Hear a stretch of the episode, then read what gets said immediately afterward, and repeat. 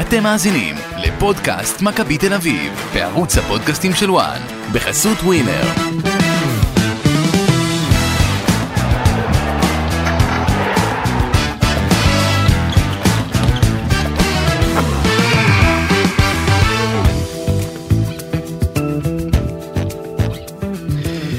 פודקאסט מכבי תל אביב עם אה, פרק אה, חדש אחרי התיקו נגד אה, בני סכנין, אחת אחת במשחק שנערך בבלומפילד ביום שבת, משחק שבו כולם פינטזו על צמצום הפער ממכבי חיפה לשתי נקודות, ניסיון להלחיץ את מכבי חיפה, בוא נגיד שבתסריט אוטופי, אז מכבי הייתה צריכה להיות היום מקום ראשון בטבלה, אבל גם הדרבי וגם בני סכנין היו בעצם אותו המשחק, אותו הדבר, אותו סגנון.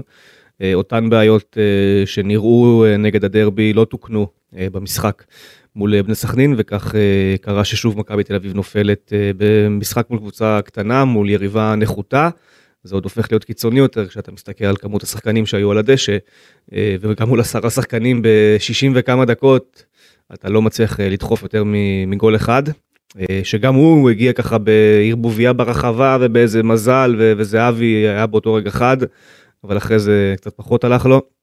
אה, וזה המצב, ואוהדי מכבי קמים לבוקר של אה, כותרות של מאמן נגד שחקנים ושחקנים נגד מאמן, וחזרנו לימי אה, פטריק ודוניס והחברים, מאוד מהר צריך להגיד, חזרנו לשם, שבועיים בלבד אחרי הניצחון על מכבי חיפה. מבאס מאוד, זה המצב, אנחנו נדבר על, ה- על למה זה שם, למה זה קורה ואולי איך אפשר לעצור את זה, או לא. אה, אבל לפני כן אני אגיד שלום אה, לאורן קדוש באיטליה, אה, כי הוא בטח עכשיו שומע את הפרק, כי אין לו מה לעשות שם חוץ מלראות משקפיים. אז כן, אורן לא איתנו היום, הוא בתצוגת תצוגת אופניים, אופניים, תצוגת אופנה של משקפיים, אולי גם בתצוגה של אופניים, אני לא יודע, לא יודע מה הוא עושה שם באיטליה באמת. חלקכם ראיתם בסטורי שלו שהוא לא יהיה, ראיתי גם את ההודעות ששלחתם לו. אז אני אתעלם מזה שהחמאתם לו, כי אני, אני מאוד כועס ברגעים אלה, אבל אה, הבאנו מחליף, אה, הבאנו את יוסי אסלן, שרובכם מכירים אותו משידורי הרדיו, אה, ומאוד אוהבים את, ה, את הגולים שלו, אה, ויוסי כמובן היה איש אה, של וואן המון המון שנים. אה, שלום יוסי, אהלן, מה שלומך? כיף מאוד. אה, מאכזב אחרי אתמול, אבל סך הכל כיף להיות פה. רציתי שתגיד שמאכזב שאורן... אה, קודם כל מאכזב. שאורן לא פה, כי גם זה הרבה לחץ, חשבתי זה נכנסת רק לנעליים פודקאסט, מאוד יש גדולות. מצלמה, ואורן הוא בחור אה, נאה, מטופח, אה, אתה לא בחור לא נאה, בוא. אבל אני לא אורן לא קדוש. מטופח אולי. אני לא אורן, אני לא אורן קדוש, אבל זה נעליים גדולות להיכנס אליהם, ויש הרבה על מה לדבר. כן, יש היום מה לדבר, ניתן איזשהו ספוילר שאתה גם, אפשר לקרוא לך מקורב למקורב? אתה יכול לקרוא לי מקורב למקורב, רק אל תחשוף את המקורב שמקורב. אה, אוקיי. אז יוסי הוא מקורב למקורב, שמקורב למישהו מאוד גדול במכבי תל אביב, אה, ואני אשתמש ב, ב, בתובנות של יוסי בהמשך על, על כל מיני דברים אה, מעניינים. אה, טוב, בוא נדבר על המשחק. שנייה, אני חייב לעצור אותך לפני המשחק. אני יודע שדיברתם על זה הרבה, אבל זה עוד משהו שאני חייב להוציא מהחזה שלי. כן. אוהדי הכדורגל בישראל נולדו לסבול. מכבי תל אביב קיבלה עונש אחרי הדרבי, עוד פעם עם מופע האבוקות הזה, אני יודע שדיברתם על זה, מיותר לחלוטין, מציק לחלוטין, וכבר אין כוח למשחקים האלה שמתחילים ב-20 דקות איחור. זה שמתי רגע בצד. עונש שגם אגב לדעתי הוא עונש קל. נשים וילדים, שער 10-11, תענוג. זה גם לא עונש, זה אפליה מגדרית כי אתה בן. כן, אוקיי. שזה גם אגב בעיה, כי ניגש אליי אבא של אחד הילדים ואמר לי, או מצוין, אב חד הורי, אשתו לא עלינו נפטרה מסרטן, רצה לקחת את הילדים, שאל אני יכול לקחת את הילדים, אמרתי לו נראה לי שלא, אתה גבר, אתה לא יכול להיכנס עם הילדים. יכול לשים אותם בכניסה לשער. וללכת יכול לשים. את הילדים בני השש בכניסה לשער. ולקוות שהם יצאו בחיים, אבל זה נשים רגע בצד, לא, גם את האבסורד יש הזה. סרטון, יש סרטון של אה, בחורה אה, בטיקטוק שזורקת אה, כוס שתייה על גבי קניקובסקי. זה אני שם רגע בצד. אה, אגב, כאילו הוא הורחקה אנשים- מה... אבל היא כאילו יכולה להיכנס לדרבי אם היא רוצה. כאילו אין נשים בארגוני. האולטרס וכאילו אין לא יכולות לזרוק וכאילו אין לא יכולות להחביא חלילה וחס באזורים המוצנעים שלהם כן, אבוקות כן. ולהיכנס. זה שמתי רגע את כל אלה אני שם בצד. נניח שהעונש הגיע מתוך מחשבה טובה שסוף סוף הנה שינו אמר אין עונשים בלי קהל נכנסים עכשיו ילדים וזה שלא יהיה מגרש ריק. אוקיי. רוצים מכבי תל אביב להקדים את זה ליום שבת משחק בחמש וחצי שעה נוחה לכל הדעות לילדים הרבה יותר ממשחק הבית הבא נגד הפועל באר שבע ביום שני אמצע שבוע נכון. שמונה וחצי. נכון. עכשיו יש לנו הרבה אוהדים צעירים. מי שאין לו ילדים לא יבין את ההבדל בין משחק בחמש, חמש וחצי, למשחק בשמונה וחצי, על אחת כמה וכמה באמצע שבוע. זה בעצם בלתי אפשרי להביא את הילדים לשעה הזאת. בטח לא 10 ומטה. אז אני אומר מצד, וההתאחדות הרי כמובן סירבה להקדים את העונש הזה. מצד שני אני אומר, אם הייתה מוכנה להקדים, גם ככה אמהות וילדים לא רצו לקחת את הילדים שלהם, כי בבלומפילד החליטו לבנות בלי גג. זאת אומרת שכל מי שאחראי על ספורט בישראל, על כדורגל בישראל, על ההוואי של האוהדים, הוא נגדך, מפה תתקדם. הוא לא אוהב כדורגל, לא אוהבים. וגם לא אוהב אותך. עכשיו אני רק אוסיף, אנחנו זוכרים לפני עונה או שתיים זה היה? אני לא זוכר את ה... לדעתי זה היה לפני עונה. לא. מתי הפועל היו בפלייאוף עליון? הפועל היו בפלייאוף העליון. שתי עונות. 19-20. 19-20, אוקיי. היה דרבי, היו אבוקות, קיבלו עונש, אחרי זה היו עוד כמה עונשים להפועל תל אביב, בסוף בסוף זה מגיע למצב שצריכים לארח את הפועל באר שבע בבלומפילד בלי קהל. זוכר את זה. כן. זה כביכול הפשרה שהושגה. איך היא הושגה? ההתאחדות עזרה לה, כי העונש היה צריך להיות בדרבי, נגד מכבי, אבל לא רצו שיהיה דרבי בלי אוהדים. אז עשו את התרגיל המסריח הזה שם, של ההתאחדות ובית הדין ו- ועוד אנשים שהיו מעורבים בזה, ורק הקהל של באר שבע נכנס לבלומפילד, אתה זוכר את המשחק הזה? כן. שהיה רק קהל חוץ, כדי שבדרבי יהיה קהל. עשו את ההחלפה עם הפועל באר שבע והפועל תל אביב. עשו איזושהי הצרחה, איזה מין החלאת ביניים עכשיו. אם הייתם כל כך בעד הדבר ההזוי הזה פעם קודמת, למה מפריע לכם עכשיו? כאילו למה, למה לא? יש אחד הדברים שהכי מפריעים לי. פה לא ביקשו להגיד בואו נעשה עונש. שלא קיים בכלל, אמרו אנחנו רוצים את העונש, בואו ניקח את העונש שהצעתם, אבל בואו נקדים אותו בשבוע. פשוט. לא עכשיו. כן. אגב, אם אנחנו כבר מדברים על חוסר אחידות בהתאחדות לכדורגל, אתה בטח זוכר את המקרה של אה, רייקוביץ' ושל יוסי אבוקסיס, שרייקוביץ' דחף את יוסי אבוקסיס. וכמובן היה גמר גביע, הייתי- רייקוביץ' הייתי בזנזיבר אז לא התעסקתי בזה. ומורן מאירי שם, שאני זוכר את זה, היה לי כיף. כן. קצת חופש, מורן מאירי שם עם הקסמים שלו, בסוף רייקוביץ' הגיע לגמר הגביע. אבל כל הסוגיה התחילה מזה שמכבי תל אביב ביקשה לדחות את הדיון. וההתאחדות סירבה לדחות את הדיון, ואז מורן מאירי היה צריך לשלוף את כל הטריקים של לא היה לו ייצוג והוא לא יודע עברית וכל הדברים האלה. עכשיו, אתה עיתונאי ואני עיתונאי, ואנחנו מקבלים בהתאחדות לכדורגל אחת לשבוע, הפועל באר שבע, אה, הדיון בעניינה נדחה בשבוע לבקשתה, הפועל תל אביב, הדיון נדחה, ככה כל הזמן. נכון. וברגע שהיה גמר גביע, פתאום אי אפשר לדחות. ההתאחדות חייבת להיות אחידה בדברים האלה. היא חייבת להגיד שאם קבוצה יכולה לדחות, היא יכולה לדחות בכל שבוע, או שהיא לא יכולה לדחות את הדיון בכלל. אם אפשר להחליף עונש, אפשר להחליף עונש. אבל אי אפשר שכל קבוצה תעשה איפה ואיפה, כי אז כל מאמן מגיע בסוף המשחק, וכל בעלים מגיע בסוף המשחק ואומר, כולם נגדנו. לא כולם נגדך, כולם נגד כולם. כן, אני גם חייב להוסיף בנושא הזה עוד דבר אחד. אמר שינו זוארץ, זה מה שהוא ביקש בכל אופן. אה, להפסיק ענישה קולקטיבית. אז מגיע ניר רשף לדיון ואומר, תשמע, אני לא יכול עכשיו לבקש ענישה קולקטיבית, אסור. אז מה הוא עושה? הוא עושה ענישה קולקטיבית מגדרית. כלפי ציבור מאוד מאוד ספציפי של בני אדם. אה, אז אה, לא באמת מצאתם פתרון הולם לסיטואציה הזו, ואם הפתרון הוא לא לסגור שערים ולא לעשות רדיוסים, אז אל תעשו את זה. אם הפתרון זה במקום 30 אלף קנס, 150 אלף קנס, שזה יהיה הקנס. זה מה שצריך להיות? שמכבי טיב תבוא ותגיד רגע קיבלתי פה 150 אלף אז אין סיכוי שבמשחק הבא אני לא תובעת איזה שלוש- אה, 250 אוהדים שזרקו חפצים. שזה היה המצב כאילו אם, אם לשם רוצים להגיע אז לשם נגיע. אני חושב שמי שזורק את האבוקות ומי שזורק את המצתים שגם אגב אתמול נזרקו והרשת לא עצרה גם את זה כן הרשת המהוללת הזאת שלא יכולה לעצור מצית. אז גם אל את תדאג, יקטינו את זה לשתיים וחצי, ואז... שתיים וחצי אז דבר "אה, לא טוב. פעם הבאה נקטין לסנטימטר ואז גם נו עזוב זה, זה ליצנות אני לא מצליח להבין את הדבר הזה אבל אה, עזוב היה פה אה, מנכ"ל היכלי הספורט אמר מה שאמר אנחנו מבינים שזה פיילוט וזה מאוד ניסיוני זה מרגיש טיפה שעקצו אותם אה, בנושא הזה אבל זה שלהם כבר זה מאחורינו אה, הנושא הזה של הענישה הקולקטיבית היא לא תעבוד היא הורסת את המוצר שגם ככה הרוס אז אתה הורס אותו עוד יותר. ואם הפתרון זה קנסות כבדים כדי שאתה כביכול תיתן תמריץ למועדונים לא להגיע לפשרות עם מועדים. לכו תילחמו בארגונים האלה עד הסוף. אם זה הפתרון אז שזה יהיה הפתרון. זאת אומרת אם צריך, גם אם צריך שנה אחת של מלחמה קשה בקהל אז שזה מה שיהיה. כי באמת שנמאס אני אומר לך אמיתי גם כצופה כדורגל זה, זה לא אין אפילו דבר אחד שכיף בלבוא למגרש ולראות את זה. את האבוקות נזרקות את המשחק נעצר. את, ה, את הנעמות הגזעניות אה, של קהל אה, מסוים כלפי ערבים, או את הנעמות של קהל מסוים כלפי שחורים, או אוהדים שצועקים ניאו-נאצי, או אוהדים שצועקים שואה. אי אפשר לראות את זה, אי אפשר לשמוע את זה, זה סבל לכל אדם שאוהב כדורגל. הם הורסים את הספורט, ולא אנשים שלא אכפת להם באמת מהחברים שלהם אכפת להציע. להם מעצמם. בדיוק, ההצגה היא הם. אז תילחם בהם. אם, זה, אם לשם צריך להגיע, אז תגיע לשם, אבל יש גבול גם כמה מועדון וקהל כללי יכול להכיל. אתמול היו 19 אלף אוהדים בבלומפילד. אם נספור כמה מהם זרקו אבוקות בדרבי, אנחנו נגיע לכמה? ל... למה? 300. שני- שלושה אחוז? ארבעה אחוז מהם? למה, למה כל השאר צריכים להיענש? זה, זה דבר שלא ברור. ואגב, גם אה, וופא שהיא ארגון מאוד אה, שלא פועל בסובלנות כלפי אה, גזענות ואנטישמיות וכן הלאה, גם הוא, זה קודם כל המון המון המון קנסות, בהרבה מאוד כסף, גם כלפי אבוקות וכן הלאה, ורק בהרשעה ה-X אתה כבר מגיע לעונשים שהם כביכול סגירת יציע עידוד או סגירת יציע זה, אבל זה מגיע לשם ממש בשלב הקצה. פה כביכול, אתה יודע, אתה זורק ארבע כוסות, אה, שני מטוסי נייר, מקל קרטיב, הגעת לשמונה הרשעות, בהרשעה התשיעית זה דרבי, אה הנה, ארבעה משחקי רדיוס, למה?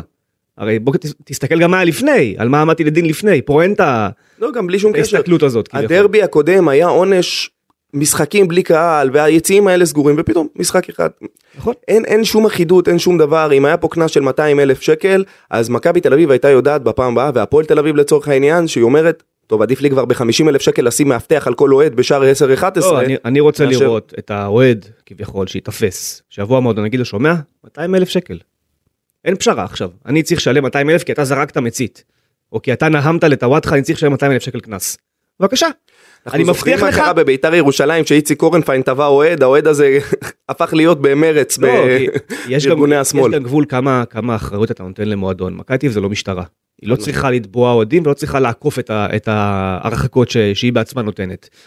במקום מתוקן, נגיד אנגליה, בוא ניקח את אנגליה כי זו הדוגמה האוטופית, שם הייתה גזענות והיה אה, חוליגנים והם הצליחו למגר את זה לרמה שזה כמעט ולא קיים. באנגליה אתה עושה עבירה מסוימת, נכון המועדון יזהה אותך, דרך המצלמות, דרך האבטחה שלו, הוא יגיש את השם למשטרה, הוא ילך לבית משפט ובית משפט ירחיק אותו, ואז הוא צריך להתייצב כל משחק ולחתום בתחנה הקרובה לביתו. בישראל זה, גם זה לא קורה. אומרים לך 90 ימי הרחקה מטדי, אבל העבירה הייתה ב... ישראל אתה תופס את 20 האוהדים. שנעמו לטוואטחה, כן. אתה שולל להם את המנוי, אתה נותן את השמות שלהם ומקבל עונש. נכון, ואתה לא יכול באמת למנוע את ההגעה שלהם למשחקים הבאים, כי הוא ייכנס בכרטיס של מישהו אחר. אתה, כי אין, אתה לא אמור לאכוף את זה, מכבי אביב זה לא המשטרה. ופה אין מלחמה, ואין אין, אין באמת בתי משפט שעוזרים לך להילחם בדבר הזה. לאף אחד לא אכפת. אדם שנואם במגרש ספורט לא מעניין שופט שצריך עכשיו לשפוט במאה תיקים אה, באותו היום. לא אכפת להם מזה, למשטרה האמיתי לא אכפת. המשטרה גם בעצמה חסרת אונים, אתה רואה כמה אבוקות היו בדרבי? 200, 250 אבוקות? זיקוקי דינור. כל המגנומטרים וגלאי מתכות וכל הדברים האלה, שום דבר זה לא מנע. אז כאילו, צריך גם פה, אתה יודע, איזושהי אמירה, גם, גם ההתאחדות אגב, היא לא אשמה באמת ב-100% בכל מה שקורה. חד היא משמעית לא. צריכה לשפוט לפי איזשהו סל שהציבו לה. כן. קודם כל זה בתי המשפט והמשטרה, כן. אבל אחר כך בסופו של דבר גם מה שאנחנו עושים, המועדונים וההתאחדות לדעתי לא מספיק טוב, רחוק מלהיות מספיק טוב. כן, אז לסיכום, במשחק מול סכנין היו כולם. אה, נגד באר שבע, יהיה לך את שער 10-11 סגור, ויש שם אה, נשים וילדים שיש להם הורים חסרי אחריות, שולחים אותם למגרש כדורגל ביום שנתנו להם יום חופש ביום שלישי. כן, ילד בן תשע הולך ל, ל, במקום ללכת לבית ספר יום אחרי. אה, בסדר, נו, מה נעשה, זה הכדורגל שלנו. אה, למשחק, בוא נעבור למשחק עצמו. בדרך כלל אנחנו עושים פה איזשהו פינג פונג שבו אורן מסכם את המשחק, אני ככה מחזיר לו כל מיני פידבקים, ואז הוא רב איתי או לא רב איתי. אנחנו לא ננסה לשחזר את זה, פשוט כל אחד ייתן את הטייק שלו. אה, מבחינתי, שוב, איך שהמשחק הזה מתחיל, ו... ופה הייתה האכזבה הכי גדולה שלי. האכזבה שלי מתחילה ביום, אה, ביום שבת בצהריים כבר, שאני מבין שאילי אה, לא בסגל, למרות שהוא היה איתם בהתכנסות, אבל היה כביכול שחקן אחד יותר, אז אה, ררי שילי, הרכש החדש, נשאר ביציע. שם הייתה האכזבה הראשונה. האכזבה השנייה הייתה כשאתה רואה שזה שוב 4-4-2. אני יכול להוסיף אכזבה שלישית? זכר, אה, כן, תוסיף. אכזבה שלישית זה שדן ביטון משחק שני לא- לא היה בסגל אפילו. נכון. עכשיו אני אגיד זה. אני אגיד לך למה אכזבה. כן. אני מוציא רגע את הגביע עם כל הכבוד ל-4-0 המהולל על אה, בן אילם ומכבי פתח תקווה שכבודם במקומם מונח אבל עדיין זו קבוצה מהליגה הלאומית. כן. עוד בשני מפגשים בכלל. אתה מגיע רגוע ונינוח למשחק. כשאתה מסתכל הרי מה היה הטענה הגדולה כל השנה אמרו מכבי חיפה יש לה 11 יותר טובים אבל הסגל של מכבי תל אביב הוא סגל יותר טוב. נכון. אתה מסתכל אתמול על הסגל של מכבי תל אביב, ואין לך שום אופציה התקפית אמיתית בספסל. יש לך את דור תורג'רמן, שלא באמת מקבל אה, את ההזדמנויות שלו. יש לך את יונתן כהן, שלא מצליח להיכנס לעונה הזאת, וגם כמעט לא שיחק בעונה הזאת, חוץ מבמשחק אולי נגד מכבי פתח תקווה. בעמדה שלו. וזהו. שם זה נגמר. ריקה נפרגן לו, ניתן לו את האופציה, אין לך, אין לך שום דבר. כל החגיגה הזאת וכל האמירה הזאת שהסגל הוא יותר גדול, הוא יותר רחב, הוא, הוא רק נמצא בקישור, ובכל השנה אתה משחק בשני מערכים, שאתה לא משתמש בקשרים שלך, אתה משתמש רק בשניים כל הזמן. היה, היה יכול, מה זאת אומרת, היה צריך לשים גם את זה וגם את זה בספסל. אני, אני לוקח את זה רגע לה, להחלטה, אתה, אתה לוקח את, את קרנקה כמאמן מאז שהוא הגיע, אתה רואה את החילופים שלו, זה כמעט כל הזמן הוא עושה רק שלושה. הוא לא משתמש אפילו בכל הספסל שלו, באף אחד מהמשחקים. ואתה מוסיף לזה את העובדה שעל הספסל יושבים לך אתמול קנדיל, דוד זאדה, שרן ייני, זה כולם שחקני הגנה. אחרי זה יש לך גולסה, אבי ריקן, ונובריים, זה כולם אותו הקשר בדיוק, אוקיי? זה כבר שישה שחקנים, שוער זה השביעי, אז יש לך עוד שניים, יוני כהן ודור תורג'מן. עכשיו כבר הבנו שתורג'מן לא ישחק, אנחנו מבינים את זה, הוא לא, הוא לא בונה עליו. היה לו מספיק זמן לבנות עליו, אפילו בגביע הוא לא פתח איתו. אז הבנו שהוא לא יבנה עליו שום דבר. אז יש לך את דור תורג'מן, שלצערי, שוב, אני לא המחליט, אבל לצערי הוא, הוא לא רלוונטי, ויש לך לפחות קשר אחד לא רלוונטי על הספסל. במקרה הזה זה ונוברם, כי לכולנו ברור שבהיררכיה של השחקנים, ריקן וגולסה ייכנסו לפניו. הם גם טובים יותר מוונוברם ממה שראינו העונה. אז אתה מבין שוונוברם ודור תורג'מן באיזשהו מקום מיותרים. אתה גם יכול להרחיב את היריעה ולהגיד שקנדיל, דוד זאדה, ייני, אחד לא צריך אותו. אם ייני נגיד הוא הבלם המחליף שלך לצורך העניין, אוקיי? אתה הרי לא תחליף שלישיית הגנה במשחק, זה לא קורה. אתה לא מחליף שלושה שחקנים בהגנה באותו משחק, אלא אם כולם נפצעו אחד אחרי השני, וגם זה לא קורה. אז גם פה יש לך אחד מיותר, זאת אומרת, בתוך כל הרשימה הזו, יש לך לפחות שלושה שיכולים להיות בחוץ. לא לשחק את המשחק הזה, בכלל. ואז יש לך מקום לאיליה, ויש לך מקום לדן ביטון. וכשאתה נתקע, כמו שנתקעת אתמול, אתה יכול להגיב עם חילוף התקפי, אבל אין לך את התגובה הזו. ומה קורה אתמול? נכנס גולס על גלאזר, נכנס יונתן כהן ונפצע אחרי שתי דקות בספרינט שלו, הראשון שהוא עשה, ואז הוא מוחלף באוויריקן, וזהו, נגמרו החילופים. וזה בדיוק אמרתי האכזבה. הדבר ההתקפי היחידי שיכלת לעשות יותר שזה גם לא מובן לי אבל אתה יודע כנראה יותר ממני זה קנדיל. קנדיל במשחק אתמול יושב על הספסל כשנפתח המשחק הוא בעצם אחרי העזיבה של גלוך מלך הבישולים של מכבי תל אביב יחד עם יובנוביץ' הוא לא משחק כבר חודש. כן. הוא לא משחק כבר חודש. בצד השני יש לך את ג'רלדש שאומנם הגול הגיע באיך הגול הגיע בעצם? הוא הגביה הגבהה רעה. אבל הוא היה בסדר אתמול. אבל זה לא משנה אם הוא בסדר. אתה לא מכוון. אתה לא מכוון לבסדר. זו הבעיה. להגיד בסדר, זו הבעיה. אתה לא מכוון לבסדר. אתה צריך מצוין. אתה צריך עוד יותר מצוין שאתה משחק במערך הזה שבו אין לך קווים. או שיש לך קווים, אבל כל לא הזמן לוך וגויגון נכנסים לאמצע, והכל נבנה על המגינים. עכשיו יש לך שני מגינים שאתה תקוע איתם כל העונה, כבודם במקומם מונח ג'רלדש ודוד זאדה. כל כדור שלהם טוב לרחבה זה נס. זה נס, אני לא רוצה לזלזל באף אחד, יש להם... אני תכף נגיע לדבר הזה של הקרוסים, אה, כי אנחנו באמת מדברים על זה כל העונה, אני ואורן, על הקרוסים האלה, בטח מול הגנות של חמישה בלמים בתוך הרחבה, למי אתה מגביה את הכדור בעצם. אבל אה, בוא נמשיך, בוא נעשה סדר כרונולוגי למשחק. בכל אופן, זו הייתה האכזבה השנייה שלי, המערך. אני, שוב, זה, זה כביכול נשמע מאוד מופרך כשאני אומר את זה, ואני אמשיך להגיד את זה, כי אני אומר את זה כל העונה. הקבוצה הזו בשני חלוצים לא יכולה להצליח לאורך זמן, ובטח ובטח שלא ב-4-4-2 קווים. זאת אומרת, אם כבר שני חלוצים, תשחק כמו איביץ'. אל תיגע, אל תיגע במשהו שכבר עבד, אוקיי? אם אתה רוצה שני חלוצים בכוח, אז עדיף לך כבר את ה-352, זו תובנה שאגב הוא אתמול הבין אותה בערך בדקה ה-70. או יהלום, כמו קרסטייץ', אבל ככה זה לא יכול. נכון, אבל יהלום הוא לא תרגל דעתי אפילו פעם אחת מאז שהוא הגיע, ולכן הוא בדקה 70 אומר, טוב, זה לא עובד, אני צריך את פרפה באמצע כדי לעשות איזשהו יתרון מספרי באיזשהו חלק במגרש, הוא הבין את זה בדקה ה-69 למעשה, ויונתן כהן הולך לשחק כביכול אה, על כל קו שמאל. עכשיו, דווקא אתמול, למרות שעוד תרגלת, פה כבר היהלום היה רלוונטי. כי כאילו למה אתה צריך עוד בלם עכשיו? כי אתה מול, של... מול עשרה שחקנים והם לא עוברים, הם לא מנסים בכלל לעבור את החצי סכנין. הם לא רוצים לעבור את החצי. הם שיחקו נגדך 5-4-0, כי לא היה להם אף שחקן, כי היה להם שחקן מורחק, אז מלמד הפך להיות קשר בעצם, כל המשחק. ואז אחרי זה גם קרדוסו וחוגי, אז חוגי הלך שמאלה וקרדוסו ממש היה קשר, לא היה חלוץ בשום צורה. זה היה 5-4-0. הם לא רצו לעבור את החצי, הם רצו לקחת את הנקודה, ללכת הביתה לחגוג. ואתה פה אגב זה כבר כן, היהלום כן היה פתרון אבל אני שונא את המערך הזה אז אני לא עכשיו אצדד בו. כביכול כ- כמערך שפותח משחק אם אתה כבר רוצה את השני חלוצים אז זה או לשחק את ה-352 של איביץ' ולנסות לשחזר דברים שעבדו מבחינת תבניות, וכביכול להפוך את פרפה להיות אוסקר, שיהיה כביכול אחד על אחד, גבי זה גבי, דור פרץ זה דור פרץ, אוקיי? זה הפתרון הראשון. הפתרון השני, פחות חלוץ. שחק 4, 2, 3, 1, הקבוצה הזו. זה, פה, פה, פה למה אני בעצם אומר כביכול שאנשים לא מבינים איך אני, איך אני מבקש שאו זהבי או יובנוביץ' יהיו בצד, אה, בחוץ. קודם כל אתמול יובנוביץ' היה חלש מאוד, בלי שום קשר לטענה שלי, אתמול ספציפית הוא היה חלש מאוד. הסיבה שאני טוען את זה, זה כי הקבוצה לא מאוזנת. עכשיו זה נכון שיובנוביץ' הוא כנראה השחקן הכי טוב בסגל, או השני הכי טוב בסגל, אבל הראשון הכי טוב בסגל הוא החבר שלו להתקפה. ושניהם ביחד לא מסוגלים לייצר לך מערך שלאורך זמן נותן לך ניצחונות uh, במשחקים שאתה מתקשה. אתה רואה מה קורה, מכבי זה או הצגות או תיקו. אין לך כאילו שלב ביניים. אין לך את ה-1-0 המגעיל הזה, לא קיים לך אותו.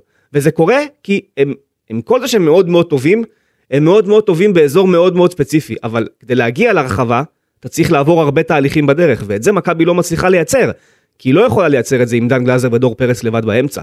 והיא לא יכולה לייצר את זה כשקניקובסקי תקוע בקו והוא לא טוב בקו, ופרפה, עם כל הכבוד, בלי לקבל את העזרה הזו של עוד שחקן לידו, אז גם הוא מוגבל. ואתמול סבורית, היה לו משחק מאוד רע. הוא לא מגן שמאלי ויש סיבה שהוא נהיה בלם. וגם כשפרפה היה בצד ימין, אז ג'רלדש לא מספיק חופף לו.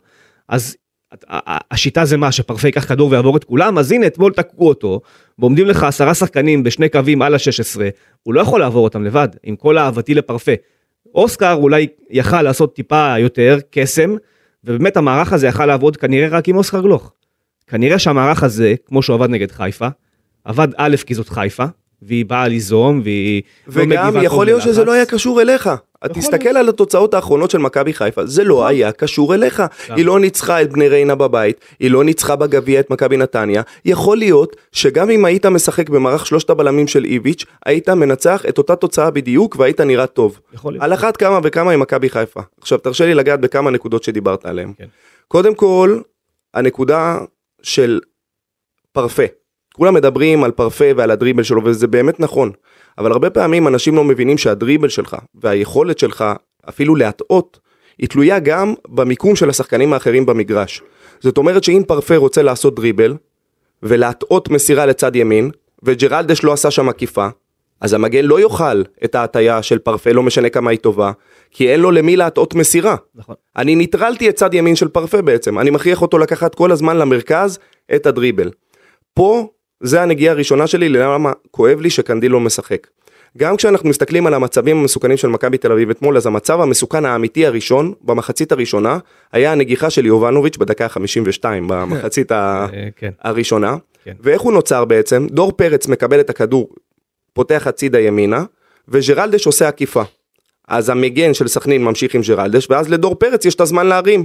ואז דור פרץ באמת מספק הרמה טובה, יובנוביץ' עם נגיחה טובה, וגד עמוס עוד פעם. שאפו על אתמול, משחק נהדר. שמה זה מתחיל. לגבי השני חלוצים, עוד פעם, זה חלק מזה, המיקום במגרש. כן, מכבי תל אביב מגיעה למצבים, אבל רוב המצבים זה יובנוביץ' אם היה שם לבד במגרש, או זהבי אם היה שם לבד במגרש, היו מגיעים גם ככה. זאת אומרת, הם דורכים אחד על השני. והחלוצים בסופו של דבר, אנחנו גם מתייחסים ליחס ההמרה שלהם. אנחנו מסתכלים על זה, אבי, מצד אחד אנחנו אומרים, בואנה, מלך השערים של הליגה יחד עם uh, ניקולסקו, איך אפשר לבוא אליו בתלונות? אבל זהבי גם אתמול, היה לו XG אני חושב של 2.3, 4, משהו כזה, כן. 2.4 ובסוף היה לו גול אחד. וכשאנחנו מסתכלים בכל העונה, הוא עם 13 שערים מ-75 איומים לשער, וגם יובנוביץ' עם 11 שערים מ-73 איומים. חתואל למשל, עושה 11 גולים, 11 גולים, אבל ב-36 איומים לשער. יחס ההמרה של שני החלוצים האלה הוא מזעזע העונה, לא, לא יודע להגיד אם מזעזע, אבל הוא לא מספיק טוב. הוא פשוט לא מספיק טוב. ואחד הדברים הוא, גם כמה משחקים ראינו שזהבי ויובנוביץ' היו טובים. בכל פעם ששניהם כובשים, מכבי תל אביב מנצחת על האפס. חגיגה גם, תמיד חגיגה, זה שלוש, ארבע, חמש. חגיגה, זה תמיד חגיגה. וזה נהדר.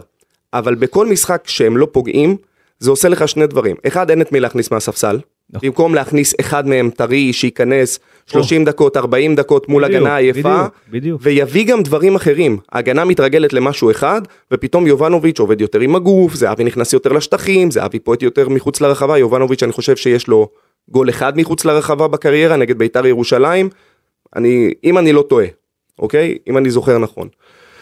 כל אחד מהם מביא משהו אחר, וזה משהו שלמשל גם על שיתוף הפעולה ביניהם. הרבה חושבים שדיברו בתחילת השנה על זהבי ועל הגישה שלו ועל תנועות הידיים. עכשיו נכון שזהבי פתח את העונה לא הכי טוב, לא כמו שהוא נראה עכשיו לפחות.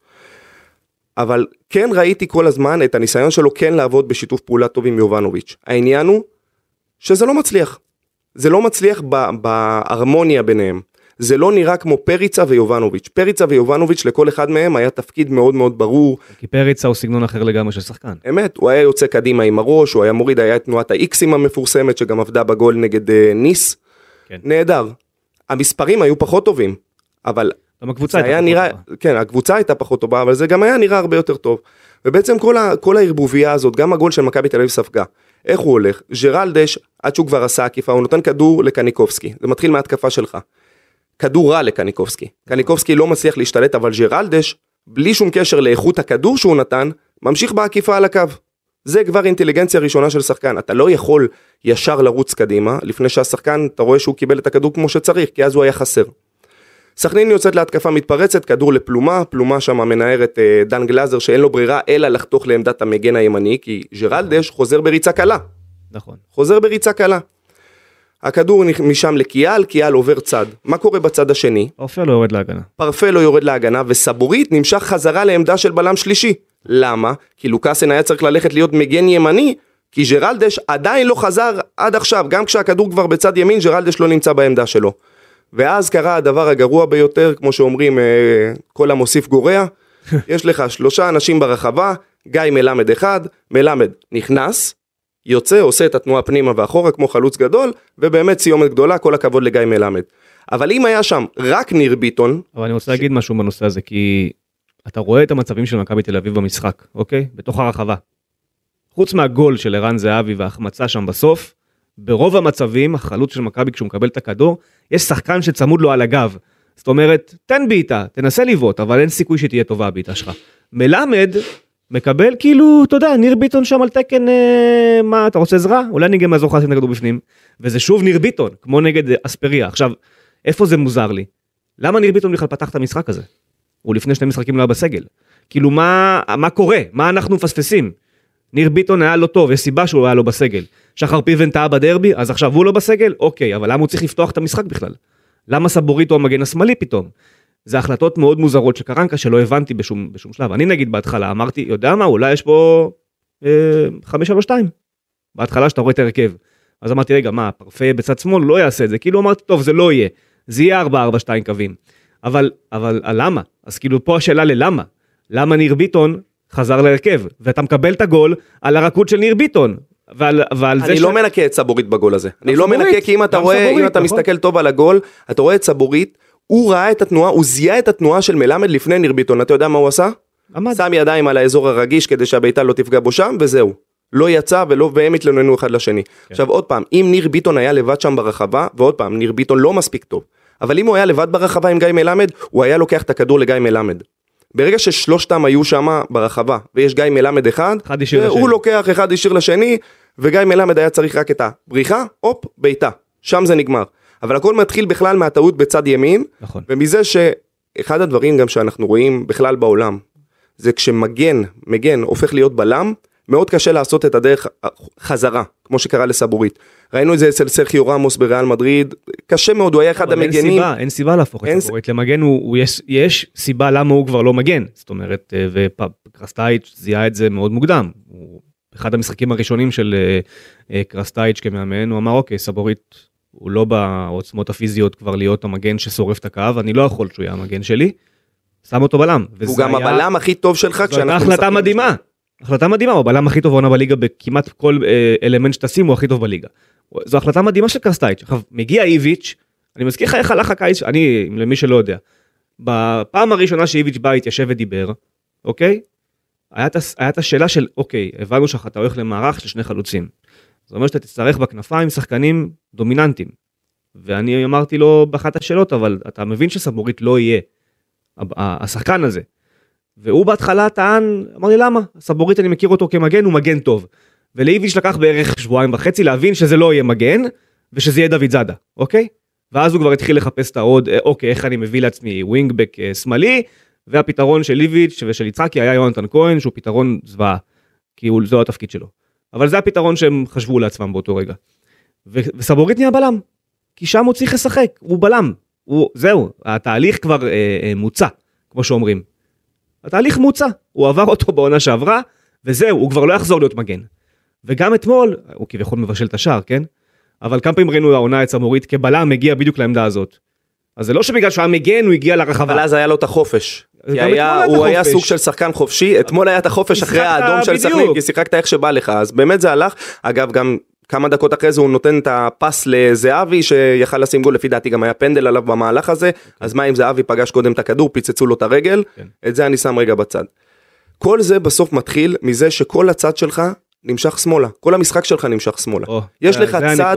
צד מנוטרל, אין צד ימין למכבי. אין צד ימין למכבי תל אביב. כולם יודעים את זה. עכשיו גם הגול וגם אחרי הגול הייתה עוד הזדמנות, שניהם הגיעו ממצב שבו ג'רלדש מגביה הגבהה רעה, רעה, מורחקת רע, ואז מתחיל הבלגן. נכון. סבורי דוחף פעם אחת עם העקב, פעם אחת נכנס. עכשיו עוד דבר שחסר לי בתוך כל הדבר הזה, זה בעיטות מרחוק. למכבי תל אביב יש נשק שלא קיים. בעיטות מרחוק, אין לך אף אבו פאני כזה, אין לך אפילו רועי גורדנה כזה שירים את הרגל, היחיד שכן, סבורית וקניקובסקי אתמול בעטו שתי בעיטות מחוסר. ס- אה, הבעיטה של קניקובסקי, כבודה מונח עדיין עם- רגל שמאל, וסבורית לפחות ניסה, אבל ניסה בדקה ה-90. נכון. עכשיו, סתם דוגמה, אני אתמול שידרתי את המשחק של הפועל ירושלים נגד מכבי נתניה. אחר כך חזרתי הביתה, כמובן ראיתי את השידורים החוזרים של המשחק של מכבי תל אביב. הגול של מכבי נתניה במשך 60 דקות לא קרה כלום במשחק הזה, ואני חיכיתי למישהו שיוציא אותי מהשידור הזה. ואז מגיע טוואמאסי, בועט מחוץ לרחבה, יונתן שבי משמיט את הכדור, הופה גול נגמר. לפעמים, הרבה פעמים אנחנו מדברים פה על טקטיקה ועל פתיחה, אבל גם הגול של מכבי תל אביב אתמול, הוא הגיע מזה שסבורית מנסה איזשהו משהו מוזר עם העקב, ואז כל ההגנה של סכנין יוצאת קדימה. אתה חייב לשבור את התבנית. הרבה פעמים כדורגל הוא משחק של טעויות, עם כל ההכנה וכל הדקדוק וכל המצבים, זה משחק של טעויות. והדרך לייצר טעויות היא כדור שנעדף לא טוב, היא בעיטה מרחוק. זה לא קורה. עכשיו, לי כואב ספציפית לדבר על שחקן שאני מאוד מאוד אוהב, כי גם אני מכיר אותו אישית, וזה דן גלאזר. דן במערך כזה לא יכול להועיל לך. נכון. הוא לא יכול להועיל לך. נכון. הוא לא בועט, הוא כמעט לא מוסר קדימה. כל המסירות שלו הם אחורה או הצידה. וכבר בקבלת הכדור שלו בכל פעם, יש, יש את הטעות הכי גדולה. הגוף שלו תמיד מופנה אחורה, כלפי השוער שלו, כלפי פרץ. גוארדיולה, אתה רואה את זה הרבה פעמים ב... כשמדי פעם משתחרר קליפים מהעבודה. הוא יכול לבזבז חצי אימון על להסביר לשחקן לשים את הכתף הצידה ולקבל את הגוף בחצי תבנית. כי כשאתה מקבל את הכדור עם הגב למגרש, עם הגב להתקפה, אתה לא באמת יכול להסתובב. גם הסיבוב לוקח מלא מלא זמן, גם עצירת הכדור שלך היא תמיד אחורה.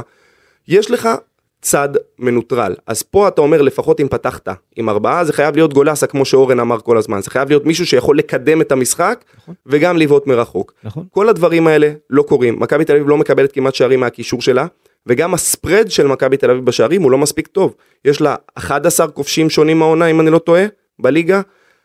זהבי ויובנוביץ' זה יותר מ-50% מהגולים של מכבי תל אביב העונה, נכון. וכל השאר לא כובשים. בהפועל באר שבע יש לך 14 כובשים שונים. זאת אומרת גם הכתובות ללכת ובסוף מישהו שייצר לך עוד גול, ייצר לך עוד משהו, אתה לא מקבל את זה.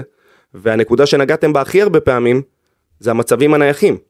גול אחד כל העונה. גול אחד כל העונה. עכשיו אתמול עוד היה בסדר, הייתה את הרמה ללוקאסן ש... שנכנסה, זהו. הרמה- הרמה אחת. שם זה נגמר. שלא הופכת לגול. לא- ופה עוד יותר מטריד אותי שדן ביטון לא נמצא ולא מקבל אפילו הזדמנות, כי אני לא אומר שדן ביטון הוא שחקן מדהים, אבל הוא היה ראוי להזדמנות. אבל דן ביטון במערך הזה. איפה הוא משחק בדיוק? אני, אני אישית לא משחק במערך הזה. יפה, זה... אני זה- משחק מפה 4-3-3. זה נו- אבל מפה זה נובע, מפה זה נובע. עכשיו, למה זה אכזב אותי כל כך שראיתי את המערך? כי בגביע, איפה שהיית כן יכול לשחק עם אה, עדיין 4-4-2, כי היה לך את דור תורג'מן, יכלת לפתוח עם דור תורג'מן ליד יובנוביץ', אם ממש רצית. בגביע הוא ניסה את ה-4-2-3-1, וזה לא עבד מבריק, זה לא היה מדהים, אבל היה לך כל הזמן אפשרות מסירה באמצע, כשאתה סגור בצדדים, היה לך את האמצע. כשהלכת דרך האמצע וסגרו אותך, היה לך את הצדדים לפתוח אליהם. היה לך כל הזמן לאיפה לשלוח את הכדור. וכשהכדור אצלך ברגל כל הזמן, במקומות שאתה ביתרון מספרי, אם זה בכנף או אם זה באמצע, אתה מייצר גולים. אתה גם מייצר מעברים מאוד נוחים, כי הפריסה שלך יותר רחבה על המגרש, הכל הרבה יותר קל. ויש סיבה שהקבוצות, חוץ מאינטר של קונטה, שעשתה את זה ב-352, ואתלטיקו של סימאונה, שעשתה את זה ב-442, כל האלופות שתעבור עליהן עכשיו בליגות הנורמליות ששם משחקים כדורגל וזה לא איזה קונצרן ששולט בליגה ומאחוריו כולם משתרכים כמו באוסטריה ששם שגם שם אגב ה-4-2-2-2 של רדבול זלצבורג הוא מערך שהם עושים אותו בצורה מבריקה עם השחקנים הכי טובים בליגה בפער וזה לא המצב של מכבי תל אביב אוקיי בטח לא אחרי שהלך אוסקר. אז אתה הולך על הליגות האלה. הן משחקות כולן 4 2 3 1 זה המערך או 4 3 3 או כל מיני הכלאות שכאלה. אתה לא רואה קבוצה דומיננטית אלופה ב-4 4 2 וגם לא ב-3 5 2. ועם כל הכבוד אינטר של קונטה עשתה את זה מדהים למה כי היה לה את לוקקו ולאוטרו בעונה חולה יש לה את ברלה שהוא הקשר האיטלקי הכי טוב, היה לה את ברוזוביץ' בשיאו, היה לו את אשרף חכימי בצד ימין, אני אומר לך כאילו זה כוכבי על. אז יש להם יתרון איכות תמיד, בכל רגע נתון יש להם יתרון איכות על המגרש. וזה כבר לא המצב של מכבי תל אביב. אגב, קחו את אינטר שנה אחר כך, שזה במקום חכימי הגיע דאמפריס, ובמקום אה, לוקקו הגיע ג'קו, ומקום שני. אז יש סיבה לדברים האלה. אז אם אתה לא הקבוצה הכי טובה בליגה בפער, גם הרכב וגם ספסל, ואתה לא שם, אתה רואה שאתה לא שם. אז המערכים האלה לא, לא רלוונטיים עבורך, אז תייצר את המערך שטקטית ייתן לך את הניצחונות, גם אם זה יהיה מגעיל. שיהיה מגעיל, אתה צריך לנצח משחקים בסוף. ואחרי זה כשהדברים מסתדרים לך ואתה כבר מייצר דומיננטיות ושטף והרתעה וכן הלאה, אז, אז תנסה לשלב שוב בחזרה את שני החלוצים. אבל אתה לא עושה לא את זה ולא את זה ולא את זה. ואתה יודע מה, אני גם אמרתי את זה כל העונה, ואני אמשיך להגיד את זה, אני, אני אומר את זה כל העונה מה, מהפרק הראשון. אתה רוצה 352, אתה רוצה 442, תשחק ככה. הגעת למחצית לא עובד, תחליף. אבל גם זה לא קורה, זה לא קרה גם אצל איביץ', זה לא קורה גם אצל קרנקה. ויש סיבה שהמשחקים הכי טובים של מכבי תל אביב העונה היו בעשרה שחקנים. כשהיא צריכה, אתה יודע, להגן ולצאת קדימה, היא טובה יותר. זה, זה, זה הסיפור. וזה מה שהיא גם לא מייצרת כל השנה. ו- הרבה ו- פעמים קבוצה שיש לה את ה-DNA של מכבי תל אביב הוא לשלוט במתרחש במגרש. אבל קבוצה חכמה אמורה לפתות את הקבוצה השנייה לצאת, אה, לצאת אליך, ואז לייצר את המעבר הזה, ומכבי תל אביב לא עושה את זה, היא לא עושה את זה כל העונה. היא משחקת פשוט לא חכם. עכשיו קרנקה, אם אנחנו מסתכלים גם על ה... עוד מעט אתה תספר לנו על הנאום חוצב הלהבות שלו, כן. אה, אבל כשאני מסתכל על קרנקה, בסופו של דבר הוא ניהל מבחינתי ארבעה משחקים בליגה. נכון שהוא חמישה משחקים עומד על הקווים מאז אשדוד, נכון. אבל באשדוד הוא לא נגע. הוא הגיע יום וחצי לפני, העביר אימון אחד, השאיר את המערך נכון. כמו שהוא. הוא משחקים כמו שהם משחקים וזהו. בארבעה משחקים שהוא באמת אחראי, מכבי תל אביב עשתה שלוש פעמים תיקו וניצחון על מכבי חיפה, שעוד פעם, ניצחון א' נהדר, אבל אני לא בטוח שהוא לא קשור יותר למכבי חיפה מאשר למכבי תל אביב. אני לא בטוח בזה. לדעתי כולם הם הופכים את הקערה ואומרים תן לך, תן לנו לנצח דרבי סכנין וביתר ושחיפה נעשה תיקו. חד משמעית. הופכים את זה בקלות עכשיו. חד משמעית, אין אחד שמתלבט. וזה אחד המחירים גם של החלפת מאמן באמצע עונה. בטח שמכבי תל אביב, מכבי תל אביב החליטה לפני שנים, וזה בסדר, מקורב למקורב, שהיא לא הולכת על מאמנים ישראלים. הטעות הגדולה שלה הייתה שהייתה את האפשרות להשיג את ברק בכר, והיא גם שם החליטה להמשיך לא ללכת על מאמנים ישראלים. אני, אני חייב להגיד אבל בנושא הזה, אין לי שום בעיה עם מאמן זר. יש לי בעיה אחת מאוד ספציפית, שאתה בוחר את המאמן הלא נכון ל-DNA של הקבוצה. כמו שאמרת, אמרת את זה יפה, מכבי טבעי קבוצה דומיננטית, שמחזיקה בכדור, שרוצה את הכדור, שהיריבות גם ייתנו לה את הכדור, כי הן בעצמן אין להם מושג מה לעשות איתו, חוץ ממעברים, רוב הליגה זה ככה. רוב הליגה זה קובי רפואה. רוב הליגה לא מנסה לשחק גם את המעברים. בדיוק, רוב הליגה זה זה. הפועל תל אביב שהייתה שחקן אחד יותר ממך בדרבי הפסיקה לשחק כי היא לא ידעה מה לעשות עם הכדור, אין לה את האלמנט הזה. יפה, אז, אז אתה לא, בוחר מאמן, פעם שנייה ברצף באמצע עונה, הפעם זה לא באשמתך, אוקיי? איביץ' עשה מה שעשה, זה אתה לא אשם בזה. שנה שעברה כן. ואתה בוחר מאמן שאתה הולך על ההיסטוריה שלו, על איך הוא שיחק כדורגל כל השנים אחורה, אתה מבין שאם הוא ישחק את ה-4-2-3-1, זה יהיה על חשבון אחד החלוצים, אוקיי? ואני חושב שכשיצחקי לוקח את ההחלטה הזו, הוא אומר לעצמו, אוקיי, אז שיריבו ביניהם, זה, כאילו שיתחרו ביניהם, הכל בסדר. אבל אני יודע גם מהשיחות שהם ערכו, שלא, שהוא דיבר איתו על ה-4-4-2. זאת אומרת, גם פה ההחלטה היא לא נכונה. אתה מביא מאמן, שאתה מבין שהוא לא ייגע בבעיות הקודמות שלך. הוא רק יעשה לך עוד צרות. זאת אומרת, אם כבר הגעת בהחלטה שאתה ממשיך עם השני חלוצים, אז אין סיבה לגעת במערך. ב-4-4-2 קווים, מה אתה מנסה לייצר פה? אתה נגעת בדן גלאזר. אני לא רוצה לדבר על דן גלאזר, כי אה, בוא נאמר שהעירו לי שאני אני מעליב אותו. אז אני לא רוצה להעליב אף אחד, לא בשביל זה, לא, לא, הפודקאסט לא נעשה בשביל זה. אבל דן גלאזר, היריבות מבינות היטב את המצב. הן מבינות שמי שינהל את המשחק של מכבי בחלק ההתקפי מבין שני הקשרים זה דור פרץ. ואין להם שום בעיה שהכדור יהיה אצל גלאזר. הם סוגרים לך את כל שאר הקבוצה, ואז גלאזר חופשי. עכשיו, מה יכול לעשות דן גלזר לבד עם הכדור? לרוץ 50 מטר ולבעוט? זה לא השחקן, זה גם אין שחקן שעושה את זה. זאת אומרת, הם, הם מכריחים אותך לשחק באיזשהו אלמנט מסוים שאתה לא יכול להצליח בו. וזה לא אשמתו של גלאזר, זה אשמת המאמן שלא מבין את לא הסיטואציה. הוא לא מבין, עכשיו אתה רוצה לשחק עם גלאזר, אתה, מה, אתה אוהב את הסגנון של השחקן, הכל בסדר, אבל הוא, הוא טוב במערך אחד מאוד ספציפי, וראינו את זה לאורך השנים, בעמדה אחת מאוד ספציפית גם. וגם שם אני לא בטוח אם היום בסגל הנוכחי הוא, הוא הבחירה הנכונה, הראשונה. אז אתה, גלאזר היה מדהים נגד חיפה, אבל כי, כי סגנונית זה מה שאתה מחפש מדן גלאזר. אבל נגד הפועל תל אביב, וגם אתמול נגד סכנין, קרנקה בעצמו מבין את זה, הוא החילוף הראשון שלו בשני המשחקים. הוא מבין את זה. אז איפה הפקת לקחים? איפה, איפה להבין ש, ש, שככה זה לא יעבוד? לזרוק את גולסה בדקה 60 או בדקה 70 ל- לדשא. כמה אתה כבר משאיר לו אה, מרווח לשנות את התמונה? זאת אומרת, מה הוא כבר יכול לעשות בדקות האלה שהוא נכנס? אבל זה גם למה אמרתי לך שהתשלום הוא התשלום על הבחירה במאמנים זרים. כי אתה מסקר את מכבי תל אביב כבר שנים. אתה זוכר שבמשך למשל כל שנה מכבי תל אביב הייתה מביאה מאמן זר חדש, והייתה נפתחת עונה, ומי היה משלם את המחיר ראשון? מי לא היה משחק חודש חודשיים? דור מיכה. דור מיכה. וזה למרות שדור מיכה שנה אחרי שנה היה מלך הבישולים של מכבי תל אביב. אבל יש דברים שבאימונים אתה לא רואה.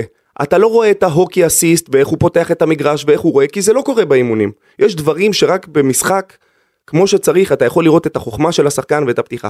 ותמיד מכבי תל אביב הייתה מתחילה באיחור. עכשיו גם, אם אתה מסתכל על ההיסטוריה של מכבי תל אביב, כל עונה שהחליפה במאמן היא לא זכתה באליפות, ולפי דעתי החילוף מאמן הטוב האמיתי היחיד שהיה לך באמצע העונה, זה אה, פטר בוס.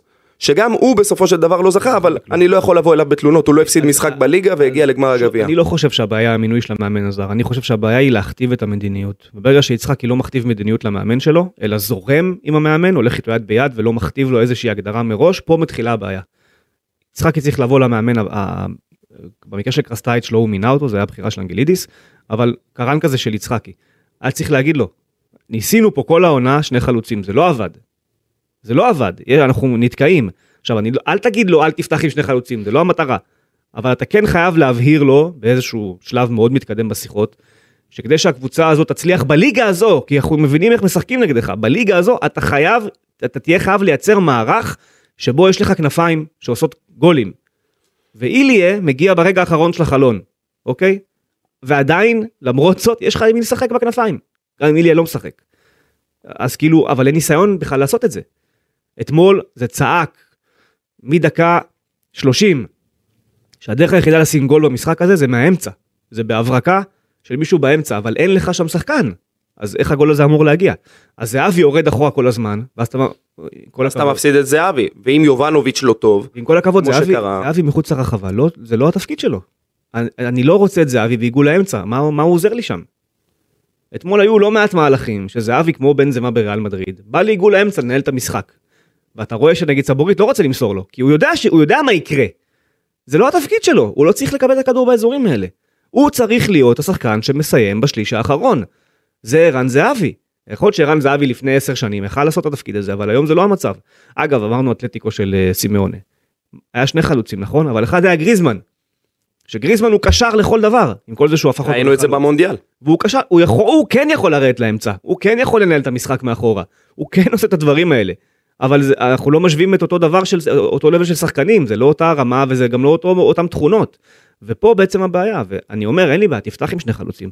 כבר פתחת עם שני חלוצים, אפילו כבר הבקעת את הגול שוויון עם שניהם על הדשא. אבל אתה רואה שבדקה 65 אתה עדיין תקוע. אז למה, אתה, אז למה לא לשחרר את הדבר הזה כבר? תשחרר את זה. ופה אתה נגעת בנקודה הכי חשובה.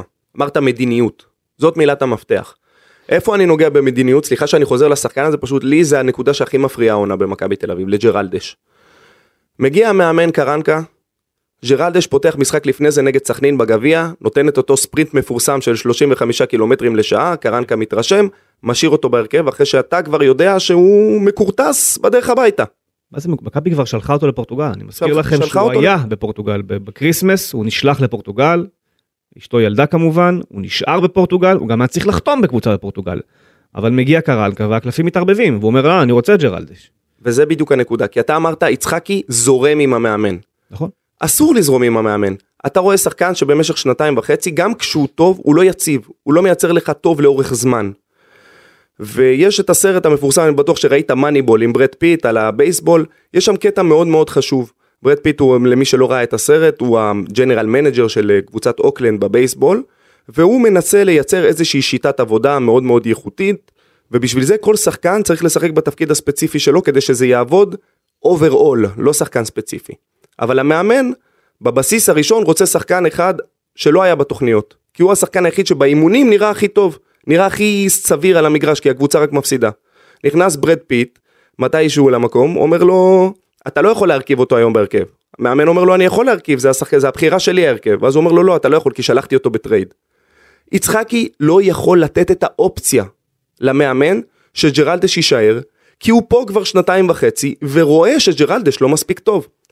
גם עם איביץ' בקיץ, יש החלטות שיצחקי צריך לקבל. עכשיו, אם יצחקי לא יכול לקבל אותם, כי הוא לא הוא מנהל מחלקת הספורט והוא לא מנהל מקצועי, אז האשמה פה היא קודם כל על מיץ'.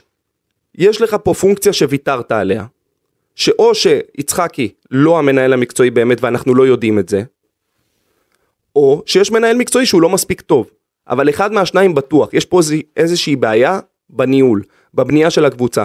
עכשיו אני כבר בשנה שעברה שאלו אותי מה צריך להיות החשש הגדול ביותר של מכבי תל אביב ואני עניתי החשש הגדול ביותר של מכבי תל אביב הוא שהיא רחוקה לא שנה ממכבי חיפה והפועל באר שבע היא רחוקה כבר שנתיים. אנשים אמרו שהגזמתי, למה הכוונה? אמרתי המרחק שנוצר והבורות שנוצרו בהרכב זה יותר מקיץ אחד טוב גם אם אתה תביא שישה שבעה שחקנים כדי להרכיב את הדבר הזה. ועכשיו אנחנו רואים את הדברים האלה. לא הייתה מדיניות, אין מדיניות, יש זרימה, אין מדיניות בבחירת המאמן. ברק יצחקי מנהל מקצועי או לא מנהל מקצועי, אני לא יודע, הפונקציה הזאת קיימת או לא. גם קרנקה שהגיע, אנחנו מבינים שג'ורדי התערב בשיחות. גם שנה שעברה כשמגיע פריצה אנחנו מבינים שזה המלצה של איביץ'. אני לא יודע עד כמה ברק יצחקי מנהל או לא, לכן אני לא יודע להאשים אותו או לא. אבל מה שיש עכשיו, לא פועל. זה לא פועל מספיק טוב. גם ההחתמה של איליה, שיכול להיות שהוא שחקן מאוד מאוד מוכשר. אתה מבין יותר טוב מכולם שזה סוג של ברירת מחדל. ברור שזה ברירת מחדל. כי בעצם מגיע ילד בן 19 שעשה ממה שאנחנו מבינים את הטעות שגלוך לא עשה. הוא ניסה לקפוץ ישר מרומניה לניס ורא... וכל אלה שאמרו למה גלוך לא הולך להיות uh, כוכב, לא שאני משווה ביניהם אבל שימו לב, נכון. הקפיצה היא גדולה מדי. לא שיחק ויכול להיות שהוא באמת כוכב כדורגל בפוטנציה אבל אתה מביא אותו בלי אופציה. זאת אומרת שגם כשאתה מביא אותו אתה אומר זה שחקן שאני מאמין שיעזור לי עכשיו לזכות באליפות. נכון. אז קודם כל אתה מחוץ למאבק האליפות כנראה כבר מעכשיו, עוד לפני שהוא הספיק לשחק, וב' לא נתת לו אפילו לטעום את ה... להיות בסגל, לשבת על הספסל, להרגיש את ה... כלום. כבר עכשיו זה גמור. אין פה, אני לא רואה את המדיניות, אני לא רואה את ההרכבה של הדבר הזה, ואני לא יודע למי לבוא בתלונות. בסוף בסוף התלונה המרכזית תמיד תהיה לבעל הבית כי הוא זה שמחליט אבל אני חושב שדווקא במקרה של העונה הזו אה, יצחקי קיבל את כל הכלים כדי להצליח ומה שהוא הרכיב מכל הכלים האלו מתגלה שבוע אחרי שבוע כי לא מספיק טוב. אה, עכשיו אוקיי. יכול להיות שאם איביץ' היה נשאר הדברים היו נראים אחרת והיינו מדברים היום על מכבי תל אביב כאיזה יופי שהיא חזרה למקום הראשון ומלחיצה את חיפה. אני לא יודע אין לי אין לי כדור בדולח שינבא לי את העתיד מה היה קורה אם איביץ' לא היה. הולך אה, אה, לקרסנודר. אני כן מתחבר למה שאתה אומר, הנושא הזה של המדיניות והאסרטיביות של מנהל ספורטיבי. וזה נכון שגם ג'ורדי קרויף, היו רגעים שהוא זרם עם המאמן. וכשפאולו סוזה רצה את ברק בדש, אז ג'ורדי הביא לו אותו. לא צריך שהוא, להילחם. למרות שהוא לא רצה אותו, אבל הוא הביא לו אותו. אבל גם ידעת שאצל פאולו סוזה הסגנון יהיה מאוד ספציפי, ומאוד מתאים למכבי תל אביב, אז אוקיי, אז שיהיה לו עוד שחקן. אבל פה זה כבר לא הסיפור. פה אתה בעצם, הבעלים עשה מה שהוא עשה עם אוסקר גלוך ומכר את אוסקר גלוך בסופו של דבר. עם אותו סעיף ששוב מכבי גם מגיעה עם התחתונים למשא ומתן אין לה מה לעשות כל כך. היא רק אומרת עצם זה שהיא הוציאה כסף מזה ושגלוך כן, לא הלך בכמעט חינם זה הייתה פעולה טובה. אז כאילו אתה בא אתה גם ככה בעמדת נחיתות עם אוסקר גלוך מהרגע הראשון אבל בסדר יאללה אני אני כבר פה באמת האשמה היא מגולגלת לכל כך הרבה אנשים זה לא רק יצחקי וזה ון לובן לפני וזה ג'ו וזה מיץ' לפני וזה הרבה אנשים בדרך שזה. ולא הגיוני שחוזים של שחקנים צעירים יושבים 4-5 חודשים על שולחן של בן אדם מסוים והוא לא מאשר אותם. ואז אתה אומר, אה, לא, לא אישרתי את החוזה, עכשיו אני בבעיה. זה גם דברים שהם לא ברורים, אבל אני חושב שבסוף זה כן מגיע לניהול. זה השורה התחתונה. זה מגיע בסוף לניהול. מועדון שמנוהל היטב יכול לחפות על פאשלות של זר אחד לא טוב, או של שחקן ישראלי שברח לך בסוף חוזה, אתה מצליח לחפות על הדברים האלה, אתה, אתה יכול למכור שחקן ועדיין להישאר טוב, מכבי הוכיחה את זה אה, בשנים קודמות. אבל פה משהו באמת חורק בכל, ה, בכל האלמנטים, ואני עם כל, ה- אתה יודע, ברק יצחקי, אף אחד פה לא רוצה שהוא ייכשל. גם לא מיץ' גולדהר. אבל אתה מגיע למצב, עונה נוספת, שמשחק נגד בני סכנין בחודש פברואר גומר לך את העונה. זה גם קרה לקרסטייץ'. וגם אז הוא לא היה שם קרסטייץ', מה היה פה יומיים וחצי? מה הוא היה שם באותו תיקו נגד סכנין? לא היה שם בשום צורה. גם קרנקה לא אשם ספצי... בכל מה שקורה. אני גם לא יכול לשפוט את קרנקה, כי עוד פעם, הוא חודש וחצי פה. הוא חודש ואין לי מושג אם הוא בכלל מבין גם- מה הוא רואה. זה ליגה ישראלית, זה לא כמו מאמן, מאמן ישראלי שעובר בתוך הליגה, הוא יודע איך סכנין משחקת, הוא יודע איך... כל... נכון, אבל גם... מאמן? שמגיע מהמחוזות של אנגליה וספרד, עד שהוא מבין. מה קורה פה בישראל, אבל גם אם עובר קרנקה חודשיים. אשם בכל מה שקרה במשחק אתמול, וזה 100% אשמה שלו, הוא לא מינה את עצמו. זה כמו שאמרתי על גלאזר, הוא לא מרכיב את עצמו בהרכב. אז כאילו, אתה יודע, בסוף זה מגיע לתמיד דרגה אחת למעלה. ומעל יצחקי יש עוד דרגה אחת, שגם היא לא מתפקדת. אבל בשורה התחתונה, יצחקי כן קיבל לעונה את כל הכלים בשביל להצליח.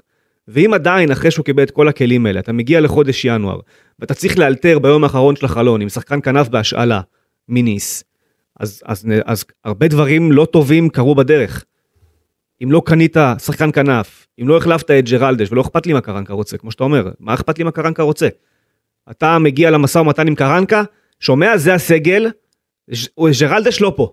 אתה, לא- אין, אין שחקן. הוא בעוד אה, יומיים הולך לחתום בקאסה פיה בפורטוגל. בדיוק. הוא לא, הוא לא חלק מהסיפור. תשחרר אותו, להתראות, אל תבנה עליו, יש לך קנדיל. אתה לא רוצה מגן ימני, אל תשחק עם מגן ימני. שים את פיבן. אין לך, אין לך ג'רלדש. זה המצב. אבל זה לא מגיע לשם. הוא, הוא, לא, הוא לא כופה מדיניות על מאמן. אם אתה לא מסוגל לכפות מדיניות על מאמן, ואם אתה לא מסוגל לשכנע בעלים לקנות שחקנים בכסף, או שאתה מנסה ולא מצליח בעצמך, אני יודע שכסף זה לא הבעיה. אז, אז, אז אוקיי. כסף, העונה הספציפית הזאת במכבי תל אביב, בעיקר בקיץ, אבל אני יודע שמיץ' נתן את האוקיי להביא שחקנים גם בשלושה מיליון יורו ובשני מיליון יורו, אם הצוות המקצועי חושב שהוא מצא את הבן אדם המתאים. במכבי תל אביב קרו שני דברים, או שהלכו הרבה פעמים על מטרות שעל הנייר נראות מאוד מאוד טוב, אבל בחרו שלא להגיע, אוקיי. שזה גם איזושהי טעות במדיניות, כי אם אתה כל הזמן מכוון משהו שנראה גבוה מאוד, ואתה לא שמענו- מצליח שמענו להשיג, את זה מאיביץ'. נגיד קלולו כזה שהיה צריך עוד כמעט. שני מיליון. אז אתה לא מצליח להשיג. והרבה פעמים יש פה, אני יודע, פחד של החבר'ה שנמצאים פה, שמנהלים את מכבי תל אביב בארץ, לפשל בהעברה הזאת. לא להביא מישהו שהם בטוחים בו ב-100%, אז הם מעדיפים לא להביא בכלל. אה, והרבה פעמים זה גם בחירות לא נכונות, כמו להביא את אוסאמה חלילה במקום את דין דוד. זה, זה, נגיד, כן. או, או להפסיד את הקרב על עלי מוחמד בגלל אה, חוסר באסרטיביות במשא ומתן. כן, אני מסכים. אה, שוב, זה בעיה. אה, ואני גם, זה כל הנושא עכשיו, אתה יודע, אה, לבקר, לא לבקר. אני חושב שלכולם ברור שאם לא תהיה עונה אליפות, אז יצחקי לא יהיה פה בעונה הבאה. אני לא בטוח בזה. אני לא חושב שהוא ימשיך. אני, למדנו כבר להכיר את מיץ' גולדהר, אני לא חושב שהוא ימשיך עם, ה, עם, ה, עם שניהם אגב, במקרה שאין אליפות. זו התחושה שלי, אני לא, לא רואה את מיץ' גולדהר הולך לעוד, לשנה שלישית ברצף בלי הישגיות. זה לא יקרה. ו, ושוב, שאלו, הרבה, הרבה שאלו אותי, וגם שאלו, וגם אורן באחד הפרקים שאל את זה, הוא אמר, אז למה יצחקי נשאר למרות שבעונה של דוניס, ואז פטריק, ואז קרסטייץ'. לאן תלך? לא, אני, אני צריך... משכורת כזאת, לאן תלך? לא, גם צריך להסביר, א', למה שהוא התפטר, כאילו באמת, למה שהוא התפטר, גם יש דברים שלא הוא אשם בהם, אבל זה גם מה שאני בא להגיד, גם בעיני גולדהר, יצחקי לא היה הדמות הקובעת אצל דוניס, הוא גם לא היה הדמות הקובעת אצל ון לוון, הוא גם לא היה הדמות הקובעת אצל איביץ', אז כאילו, אנחנו מבינים שהוא באיזשהו מקום די מסורס גם מלמעלה, אבל במקרה הזה של הסגל, של ינואר, של הדברים האלה, זה הוא. זה הוא, ואם, והוא הביא את קרנקה גם לשולחן, אז כאילו, בגלל זה אני אומר, אם זה לא מצליח, וקראתם את הציטוטים בבוקר ואפילו אתמול של קרנקה, אתה מבין שזה הולך לאזור לא טוב, במקרה שלא תהיה העונה, יהיה איזשהו נס ותבוא אליפות, לתחושתי, שניהם לא יהיו פה בקיץ, זו תחושה אישית בלבד. כי אני לא רואה את מיץ' גולדהר ממשיך לזרוק פה כספים ולקבל מקום שלישי. אבל השאלה אם מיץ' גולדהר זורק פה כספים, או שהוא משקיע אותם לא נכון. כי בסופו, בסופו של דבר, סליחה, יש פה פונקציה שהוא סך הכל ויתר עליה.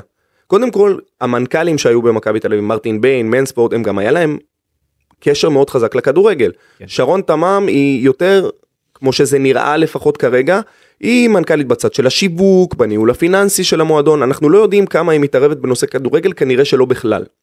ואז אתה אומר, טוב, בסדר, אבל אז היה ג'ורדי, היה מנהל מקצועי. לא, אין גם מנהל, או שיש מנהל, אנחנו לא יודעים. אנחנו יודעים, כמו שזה נראה עכשיו, שאין לו את מלוא הסמכויות לנהל כמו שהוא רוצה. ככה זה מרגיש לפחות, ברק יצחק. הכל צריך לקבל אישור, נכון. הכל צריך לקבל אישור, אבל ככה כמובן זה מרגיש כלפי חוץ. עכשיו, גם אם אנחנו טועים, אי אפשר להתערב עם תחושה של כל האוהדים של מכבי תל אביב, גם הם מרגישים ככה. הרבה מהם מרגישים ככה. שיש תעלומה סביב כמה ברק יצחקי הוא האיש הקובע. עכשיו, אני כן יודע שהוא קובע הרבה דברים. אני כן יודע שהוא עובד קשה ושיש לו רעיונות ושהרבה מהרעיונות שלו מתקבלים. אבל האם כשהוא בא לשולחן, יש לו את 100% הסמכות לעשות את הטעות? לא. אני לא חושב. בסדר. אני לא חושב, ואז ברור, קשה לי אבל- להאשים אבל אותו. די ברור שהבעלים לא יתחלף. הבעלים לא יפטר את לא, עצמו. לא צריך גם להחליף את הבעלים, שלא. יובן לא נכון, מיץ'. גולדהר הוא בעלים נהדר, אבל מיץ' גולדהר, צריך להבין, אני אתן לך דוגמה, לפני שנה וחצי אני חושב, היה אה, שיחת זום בקריה האקדמית אונו, שאנדי רם העביר שם ראיון עם מיץ' גולדהר, אתה זוכר את זה? כל העיתונאים התחברו. אני זוכר. מה קרה ב- בשיחת זום הזאת? כל אנשי מכבי תל אביב, שרון תמם ומורן נכון. מאירי, התחברו לזום. למה הם התחברו לזום? כדי לשמוע את הבעלים, כי להם קשה ליצור קשר עם הבעלים לבד. זה הזוי. נכון. זה הזוי, זו הבעיה. הבעיה היא לא מיץ' גולדהר ולא בכספים שהוא משקיע, וזה בסדר גמור גם שהוא לא יהיה פה כל יום, לא כל עסק שלך, כשאתה צריך גם שהוא יצליח, אתה מנהל אותו ביום יום. כן, אבל אבל- אם מינית מנהלים, אז או שיש- או שאתה מביא להם סמכויות ומשחרר להם את החבל, או או שאתה מקבל את המציאות שכמו שהיא עכשיו. בדיוק, אי אפשר כל הזמן שגם כדי, מה שנקרא, ללחוץ על ההדק, נחכה למייל של מיץ' שהוא יענה בקנדה, או ש... אגב, ג'ורדי היה רב איתם על זה מלא. ויצחקי לא מהאנשים שרבים מלא. אז, אז גם פה יש איזושהי בעייתיות. אבל שוב, זה, זה הרבה דברים שאתה קשה לך להגיד, אוקיי, זה אשם ב-100%, זה אשם ב-70%, זה אשם ב-60%. אז עוד פעם, אני לא מחלק, אני רק זה אומר. התמהיל הניהולי אתה- כרגע, נכון, נכון. הוא לא מספיק טוב. נכון. הוא לא מספיק זה טוב. מתחלק בין כולם, זה מתחלק, זה גם נופל על המאמן שלא מנהל נכון את את העניינים שלו, זה נופל גם על שחקנים שחלקם לא מביאים את הסחורה ומרשים לעצמם להיראות כמו שהם נראים, ונגענו בחלקם, אה, וזה בסוף, אבל בסוף בסוף זה, זה, זה העובדה. יש עובדה, מכבי טיב שלוש שנים, לא פקטור במאבק האליפות. היא כל הזמן מנסה איכשהו תוך כדי העונה לחזור פנימה. אבל כשאתה מסתכל על הדברים וסופר חודשים במהלך העונה, ב-70% מהזמן היא לא שם. זה הסיפור. והעונה זה בכלל בולט, כי אתה, אתה מרגיש שהעונה יש אליפות על הרצפה. מכבי תל אביב טובה כבר מזמן מקום ראשון בטבלה הזאת. תראה איפה הנקודות שלך הלכו לאיבוד. במשחק מול קריית שמונה של 32 בעיטות, נס ציונה 30 בעיטות, אתמול אגב היו 26 בעיטות לשער, למרות שזה היה נראה פחות, אבל היו 26 בעיטות לשער. דרבי שהפועל תל אביב לא מנצחת לא שמונה את משחקים. אבל אתה לא מצליח לשים גול ולסכן בכלל. דרבי שהפועל עובר את החצי בית"ר כפיים, ירושלים שסופגת מכל הליגה בצרורות ואתה מאבד שם נקודות. אבל היה שם את האדום ואוקיי. עוד פעם, בסדר. כביכול, כביכול ביתר אתה אומר אוקיי זה המשחק היחיד שהיית באדום ולקחת נקודות. ואתה אומר יאללה כאילו אני זרמתי איתך. אבל נס ציונה וקריית שמונה והמשחק הזה אתמול והדרבי נגד הפועל זה ארבעה משחקים שאתה מאבד בהם שמונה נקודות על מה? על מה? זה שמונה נקודות שקבוצה טובה שאמ- כמו שהייתה אמורה להיות פה לוקחת בקושי מנצחת בשיניים בגועל נפש בקרן. כן, אבל עוד פעם, ועכשיו זה בדיוק פותחת העניין. פער של בקרן. אמרת בקרן. יש פה פונק- יותר מדי פונקציות בקבוצה הזאת שלא קיימות. הן פשוט לא קיימות. נכון. אם אין לך מצב נייח כל העונה, אז יש לך אחד. בעצם, מ-200 קרנות, לא יודע כמה היו. סבורית בדקה הראשונה אז באותו משחק נגד אה, חדרה ריינה גני זה היה. ריינה, אני חושב. לא נראה לי חדרה דווקא. חדרה בחמש... אה, כן זה נראה לי היחיד. ושם, ושם זה נגמר. כן. שם זה נגמר, אין לך שער ממצבים נייחים. עכשיו, מכבי חיפה לעומת זאת, שהיא קבוצה נהדרת, אבל היא הייתה בעומס מטורף השנה הזאת. אנשים גם לא שמים לב שהקמפיין של מכבי חיפה ושל הפועל באר שבע, הוא קמפיין שונה, בגלל השנה של המונדיאל, היה להם משחק כל שבוע, לא כל שבועיים. נכון. עכשיו מצד אחד הם קיבלו בתמורה את הפגרה, את הרענון גם לראש וגם לגוף, אבל ההתשה עד אז, היא הייתה... הם בסוף ניצחו 11 עצומה. משחקים בלי לשחק. הם שיחקו נורא וניצחו. כן, אתה- משחק, לא יודע, אתה- לא לא אגיד משחק רע, אבל אתה- אתה מייצר, אתה דומיננטי, אתה מגיע למצבים, אתה לא מנצח, ואתה חוזר כל פעם על אותה טעות. אז כאילו אם אין למידה מערכתית, אז מה מה אפשר לעשות כאילו? ואין למידה. וזה נושא, זה גם אגב בנושא יצחקי, אין למידה. כאילו אם הבנת שאתה לא אחד שקובע למאמן, אז, אז מלכתחילה אל תבחר את המאמן שאתה צריך לקבוע לו, אוקיי? תיקח את המאמן שאומר לך מהרגע הראשון, אני רוצה לשחק ככה, זה אגב מה שניסו נכון לעשות עם איביץ'. שלי. איביץ' הוא סוג של מנהל מקצועי בהוויה שלו, הוא לא נותן לאנשים להתערב לו יותר מדי. נכון? וזה מה שניסו לעשות, ברק יצחקי ניסה ללכת על בטוח, גם להחזיר, גם עם דור פרץ ניסו ללכת על בטוח, גם עם יונתן כהן, לפעמים הבטוח הזה הוא לא כזה בטוח. כן. אבל בסופו של דבר, ברגע שזה לא עבד, ומביאים מאמן חדש, אז פתאום חסרה הפונקציה הניהולית הזאת. נכון, ומבאס, מה אני אגיד לך, זה מבאס כי באמת, שוב, גם עם, גם עם העזיבה הזאת של אוסקר גלוך, עדיין לדעתי למכבי יש את הסגל הכי טוב בליגה. אה, פשוט אני לא מסכים, פשוט רובם לא, לא, לא בסגל. אני חושב שיש להם סגל הכי טוב בליגה לרוחב. כולם נמצאים בקישור. אני לא רואה סגל הכי טוב בליגה. אני לא רואה את זה. אני חושב שאחרי שהביאו עכשיו שחקן כנף, אז הדברים כביכול טיפה יותר קיבלו איזון. אה, נכון שלחיפה יש יותר אופציות בכנפיים, אבל גם חיפה, אז אני יכול להגיד לך, אוקיי, אבל מה יש לה באמצע? נפצע מחר אבו פאני, מי משחק? בסדר, אבל. כשאתה מסתכל על פתיחת. הש- אתה- כשאתה מסתכל על פתיחת השנה של מכבי חיפה, נכון, הם עשו את שלהם, אומר, זה לא משנה כבר. לא, אתה מסתכל על נטע לביא, ואתה מסתכל על מחמוד ג'אבר שנעלם לנו, שאנשים שוכחים שהוא היה שחקן הרכב בנבחרת, ואתה מסתכל על אבו פאני, ואתה מסתכל, ושרי יכול לרדת לאמצע, יש להם הרבה אופציות לשחק עם זה. אין לך משחק, יש לך פה שחקנים, הרבה שחקנים שהם מאוד מאוד מוגבלים, מה שוון אוברים יכול לתת לך הוא מאוד מאוד מוגבל. שרי יכול לשחק 10, שרי יכול לשחק בקו, שרי יכול לשחק... ון אוברים, גלאזר יודעים לתת דבר מאוד מאוד ספציפי. ופה אתה נופל, אתה נופל גם בזה שאין לך אף שחקן בכנפיים ברוב העונה. אה, ברוב ש- העונות. ועד שכבר יש לך, אז אתה לא משחק איתו או שהוא לא בסגל. אה, כן, אה, כן, זה שוב, אבל גם פה, זה מה שאני אומר, היה לך ינואר שלם לטפל בזה, לא טיפלת בזה, אז מה אתה רוצה לעשות עכשיו כאילו? באמת, האידיאל של חודש ינואר היה לשחרר את ג'רלדש, ודיברנו על זה לא מעט פעמים. עזוב שגם אוסקר הלך ונפטרה לך כביכול לאיזושהי, אוקיי, למה אני צריך להביא עוד ועוד? אז הנה אוסקר הלך ובאה הסיבה ללמה להביא עוד. אז היה לך את ג'רלדש, היה לך עמדה של זר פנויה, היית צריך להביא כנף ימין, כנף שמאל. אז יש לך שתי כנפיים, יש לך יונתן, יש לך פרפה, יש לך קניקובסקי, יש לך כל מיני שחקנים שאתה יכול לשים בעמדה הזו, למרות שזה אולי לא הכי טבעי עבורם, אבל הם יכולים לשחק שם. ויש לך גם שחקנים טבעיים לעמדה הזו, שלושה לפחות, בסגל. ואתה מאוזן, ויש לך כמה שיטות משחק, ויש לך כמה פתרונות, אבל אתה לא עושה את זה. ואתה מגיע למשחק הזה עם, עם, עם הזר שהבאת ככנף בספסל. אתה רוצה להגיד לי שאתמול ברבע שעה האחרונה אולי יכל לעזור? יכל לעזור קודם כל גם בגלל אם לא היה עוזר, עדיין היה נגמר לפעמים תיקו. כמו שאתה לא יודע מה אתה מקבל משחקן, גם הקבוצה השנייה נכון. לא יודעת מה היא מקבלת משחקן, הוא יכול להפתיע וזה קורה הרבה פעמים, ראינו את זה עם קובאס במשחק הראשון נגד מכבי חיפה כשהוא הגיע, לפעמים להרכיב שחקן בפעם הראשונה, זה עושה את שלו רק בגלל שיש פה איזשהו אלמנט הפתעה שכבר נעלם מהכדורגל בשנים האחרונות, כי יש את ה scouting הכל כך כל כך טוב, את כל האפליקציות והדברים שאפשר לעקוב, אבל כשמביאים אותו לפעם הראשונה, לפעם השנייה, לכמה חודשים הראשונים, זה קורה, ראינו את זה סתם דוגמה אצל אה, פטוס בת שיראי במכבי נתניה, נותן חודשיים גדולים, שנה הוא- אחרי זה לא יכל לעשות כלום, כי לומדים אותך. כן. אבל האלמנט הזה של ההפתעה יכל לעזור, והוא לא היה שם. עכשיו, אם אתה אומר, רציתי לכבד את השחקנים שלי, כי הוא יומיים פה ולא יכל להיכנס לסגל, אז באותה מידה, איך אתה יומיים אחרי זה ישבת וניהלת משחק. לא, היית זה- נותן למישהו אחר לנהל אותו. אני לא, לא אוהב את ה... קרנקה אתמול היו באמת, זה היה ברמה מאוד נמוכה, אני גם לא יכול לשמוע מאמן שאומר אנרגיות. מה, מה זה? זה אימון בחדר כושר? מה זה אנרגיות? מה זה פרי וורקאוט? מה, מה קשור אנרגיות? אנרגיות, אנרגיות, קשור מוטיבטור, אנרגיות? זה, זה, זה- זה, מחזיר. אותי לזמנים שכאילו היו דיונים איך להחליף מאמן, ואז אומרים, "אה, צריך- אני לא רוצה לזלזל באף אחד. ולא להגיד אף אחד, אבל הוא מוטיבטור, הוא יהפוך שולחן בחדר הלבשה, איך יהפוך שולחן, יעשה אותך שחקן יותר טוב, אני לא... גם לא עובד על שחקנים הדברים האלה, בוא. זה לא עובד אבל עליהם. מצד שני, גם את זה ידענו על קרנקה לפני שהוא הגיע. ידענו שהוא לוס קנן בכל מה שקשור לאיך שהוא מדבר ואיך שהוא פותח את הפה, ושזה יכול לקרות. אבל לפחות שידבר עם היגיון. ה- להגיד אתמול שאנרגיה הייתה הבעיה זה לגנוב דעת, זה דבר ראשון. להגיד שאיליה לא יכול להיות בסגל כי מי שפה לפניו מגיע לו יותר, זה גם לגנוב דעת. כי מי שפה לא, לפניו לא בעמדה שלו בכלל. אז מה הוא, מה, הוא- למי, על מי הוא בא? מה, ונוברים? לוונוברים הראה שמגיע לו? מתי הוא הראה שמגיע לו? אז למה הוא לא משחק, אם מגיע לו? כל מה שהוא אמר אתמול אפשר להפריך בשנייה. כל משפט שהוא אמר אפשר ככה בשנייה לבטל אותו. אז, אז מה? כאילו, זה באמת, אני משתגע מהדברים האלה, זה היה משפטים מאוד עלובים. וגם המשפטים אגב על, על הסגנון, הוא אומר היינו דומיננטים, הכדור היה 75% אצלנו בזמן, נכון, היית מול עשרה שחקנים, לא קשור, זו גם זה הליגה. משנה, שיחקת לרוחב, זה לא משנה, זו גם הליגה. אז למה אתה דומיננטי? הליגה, אבל מה אתה חוץ עושה עם מול הכדור? הפועל באר שבע ומכבי חיפה, אתה תהיה דומיננטי. אתה תמיד תהיה דומיננטי, כי יש פה קבוצות שלא מנסות לשחק כדורגל, יש פה ליגה שכולה תיקו. נכון, אבל מה אתה, אבל שוב, גם אם היית דומיננטי, מה עשית עם הדומיננטיות הזאת? אם אתה לא יודע לנצל אותה, אז היא לא שווה כלום, היא משפט שנאמר לה, נזרק לאוויר בשביל להגיד אותו.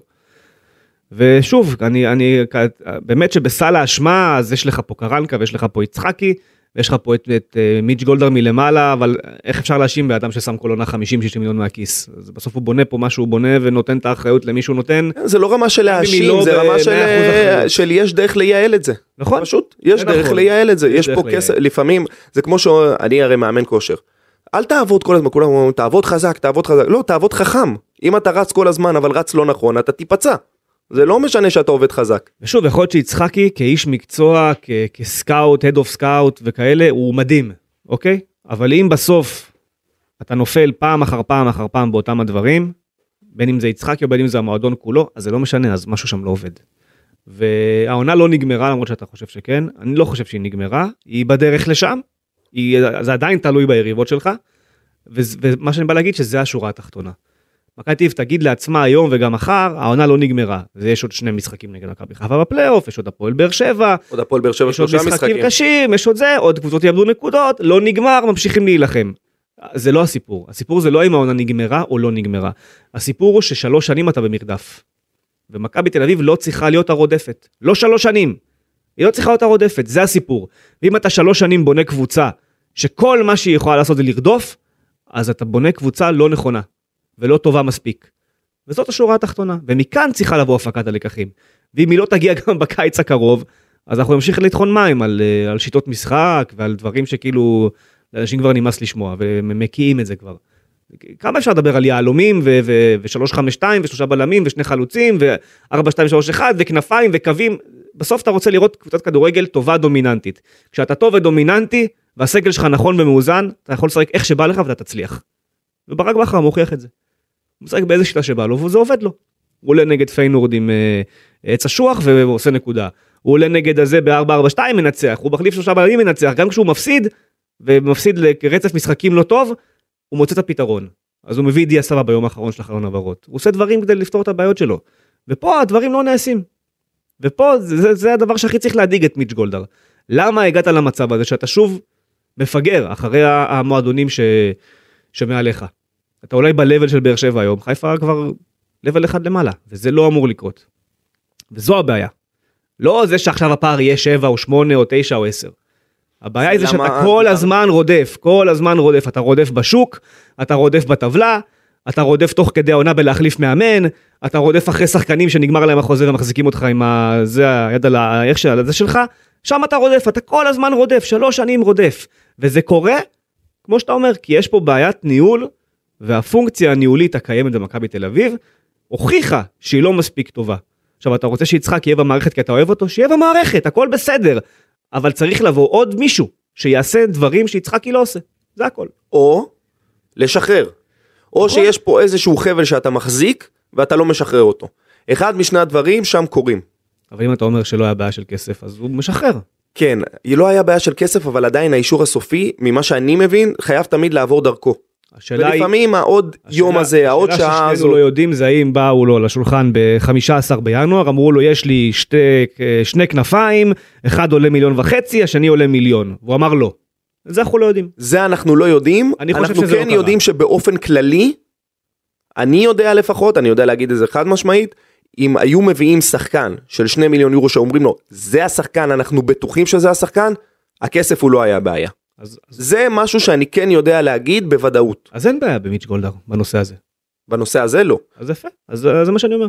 אז אם, אם יצחקי לא האיש, אישיותית אגב, גם אני אגב באישיות שלי, יש דברים שאני לא מסוגל לבקש מהבוסים שלי. לא יכול, אני כזה. אני תמיד אעדיף שהם יבואו מעצמם ויגידו לי כך, מאשר שאני אבוא לבקש. זה כל אחד והאישיות שלו. אז יכול להיות שיצחקי באלמנט הזה, הוא כמוני, הוא לא יכול לבוא לבקש. הוא לא מסוגל לבוא לבקש.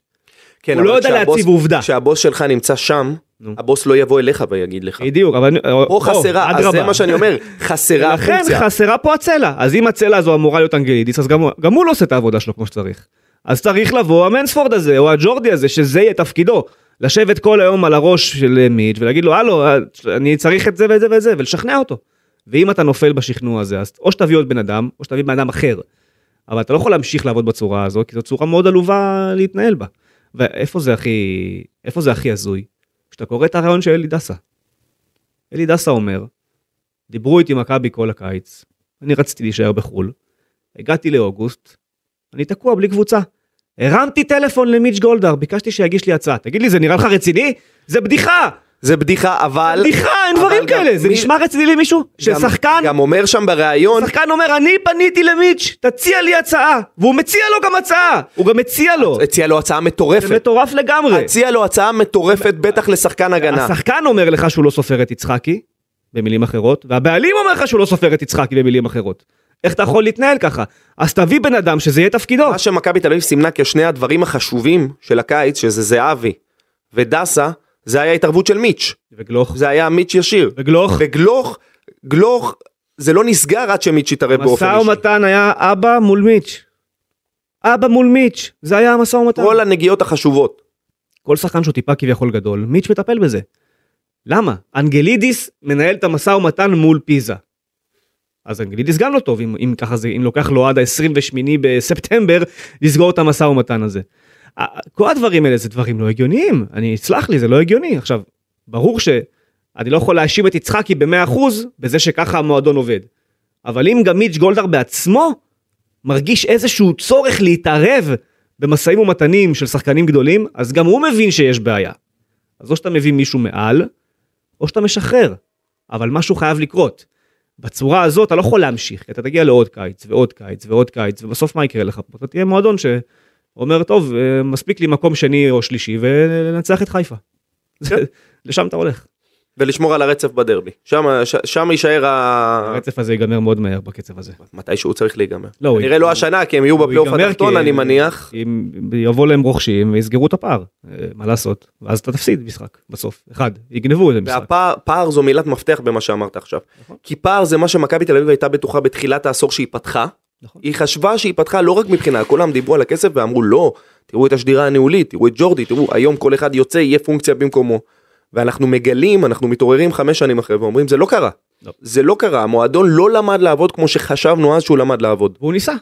אני, זה, הקרדיט הזה כן מגיע למיץ', הוא ניסה. הוא ניסה את uh, יצחקי, הוא ניסה את שרון תמם. שרון תמם אגב, ומה שהיא עושה, היא עושה, היא עושה את זה מדהים, אבל שוב, התחושה היא שחסרה פה עוד פונקציה, כי גם לג'ורדי היה סקאוט ראשי. עכשיו ליצחקי מה יש? את, הוא את עצמו. לג'ורדי היה מנכ"ל מעליו, שהוא מנכ"ל שהוא היה ספורטיבי בניהול שלו, זה היה מנספורד לשנה אחת, ולפני זה זה היה... יש עם מי גם לעשות סיעור מוחות. ולפני זה גם היה אנגלידיס, תמיד הייתה עוד פונקציה. ומיץ' ויתר על שתיים, על שתי פונקציות הוא פתאום ויתר. אז כאילו, אה, בוא, בוא נסיק מסקנות, בוא נבין שאולי בגלל הוויתור הזה קורים דברים. או בגלל שהלכת על איזשהו קו מסוים, אז הדברים לא עובדים ב-100%. ושוב, יצחקי יכול להיות איש מקצוע מדהים, אבל אנחנו מבינים שיש בעיה. יש בעיה. ו- ואת זה צריך לפתור. עכשיו, אני שוב, העונה לא נגמרה מבחינתי, מכבי חיפה יכולה לעשות תיקו נגד חדרה. לא כזה בשמיים שיעשו תיקו נגד חדרה. לא בשמיים, קשה לי לראות את זה קורה, אבל הם גם לא מנצחים שלושה משחקים, אז זה לא בשמיים. בדיוק, אבל הפועל באר שבע ביום. שלישי גם יכולה לעבור אותך, נגד סכנין. בסדר, היא יכולה... למעשה היא לא כבר עברה אותך. לא יהיה משחק. אבל אה, יש שם שוב גשם. אבל גם עדיין זה לא קריטי, יש לך עוד באר שבע בעוד שבועיים, יש לך פלייאוף, יש יש להם איפה ליפול, יש להם ביתר שנראית מדהים, למכבי חיפה יש ביתר שנראית מדהים, לך אתה כבר עברת את ביתר, יהיה פלייאוף עליון עם ביתר, יש שם עוד קבוצה, לדעתי, לא הפועל ירושלים, אני מרגיש שזה מכבי נתניה, יש vibeים של מכבי נתניה כזה, אז גם יהיה פלייאוף עליון גדול, שבאמת יהיה לך הרבה משחקים ליפול בו, או משחקים להרוויח בו נקודות איפה שאחרות ייפלו, זאת אומרת, בעיניי העונה לא נגמרה, אבל אתה מתנהל כמו מועדון שגמר את העונה, וזה הכי גרוע, כי אתה שוב נופל בטמטום הזה. עונה שלישית אתה מתנהל, אתה לא, אתה לא אה, יצאת מהמרוץ, אבל אתה מתנהל כמו אחד שיצא מהמרוץ. וזה, וזה גרוע. ובאמת שבשבועות האחרונים ובחודשים האחרונים נמנעתי מלבקר את יצחקי, והיו פה לא מעט שגם אה, תקפו אותי ואת אורן, שאנחנו כביכול נותנים לו over אה, credit.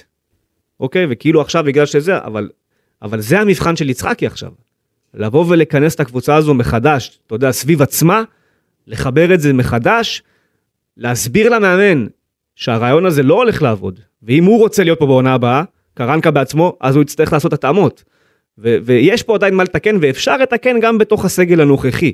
זה נקודת שבר שהיא מבחן מאוד גדול, אבל אם גם מהנקודת שבר הזו אתה תצא בלי כלום, כמו עם קרסטייץ', אז כמו שאמרתי, בקיץ לתחושתי, אף אחד לא יהיה פה. הוא ישחרר את כולם. יכול מאוד להיות. זהו. אה, ואגב, עוד נקודה זה שמי שצריך להתחיל להסתכל גם לכיוון הנוער מה שקורה העונה בנוער זה זה חרפה. רציתי לשאול אותך אגב, אגב, לא יודע אם- אם אנשים שמו לב, הם בסוף חלון, אה, חלון הנוער, שחררו את כל החריגי גיל. כאילו הם בעצם הודו בסוף החלון שהם טעו בקיץ, באיך שהם בנו את הקבוצה הזו. אה, הנוער נראה על הפנים, שחקן כמו בר לין עשה 90 צעדים אחורה, אורל באי עשה 90 צעדים אחורה, כל הכישרונות שלך, קורדובה, נאווי, 90 צעדים אחורה, פשוט בוא, זרקת שנתון. פה רציתי לשאול אותך מה קרה בעצם אחרי שביתר תל אביב, בת ים או רמלה, אני כבר לא זוכר כמה שעות, זה עוד, עוד רגע יהיה ביתר תל אביב, אילת, ירדו לליגה א', איפה, איפה השחקנים מתפתחים? אז הם החליטו שהחריגי גיל נשארים בנוער, כדי כביכול להישאר תחת, הש... אה, אתה יודע, שמירה של המחלקה. אז זה עוד הליכה אחורה מי בניהול. שרצה לש- לצאת להשאלות בלאומית נתנו לו, מי שלא רצה השאלות בלאומית נשאר בנוער. שורה תחתונה זה לא תפס. זה עוד חריגה אחורה בניהול, זה עוד צעד שהלך אחורה, כי אמרת את אורל באיה, שאני זוכר אותו מהשנה שעברה, קיבל הזדמנות מקרסטייץ' במשחק אתה לא חייב, אתה לא חייב קבוצת בת, בזה אני לא מסכים. אתה, אתה כן צריך אבל למצוא קבוצות לכל השחקנים האלה בליגה הלאומית. אני חושב שקבוצת בת זה פונקציה מאוד חשובה, כי כמו שאנחנו יודעים שזה התנהל שם, אתה גם היית, היה לך את הפתח לראות איך השחקנים האלה כן, מתפתחים. ידעת, צריך אתה לא תקבל את זה אה, מכל השאלה בלאומית. אבל גם צריך להיות הוגנים ולהגיד שלא כל אחת רוצה להיות קבוצת בת. אז אין לך איך להכריח מועדון להיות לקבוצת בת שלך. חד משמעית אי אפשר, אני מאמין שהיה ניתן לעשות. עוד פעם, זה הליכה אחורה בניהול. זה, זה צעד אחורה, ש- שוב, אני לא, דווקא בזה אני לא בטוח, כי אם הנוער שלך מתנהל טוב, אז אתה לא הולך אחורה בניהול. ברגע שהנוער שלך לא מתנהל גם טוב, אז פה אני מסכים איתך, יש את הנפילה של המדרגה, והמחלקת נוער העונה זוועה. ואנשים שנמצאים במחלקה לא מבינים מה קורה, כאילו, וזה לא אמור להיות ככה, ושם מיץ' באמת שופך כסף ל- ל- לאוויר. כאילו בוא, במשך כל העשור שלו, מי גדל שם? אוסקר?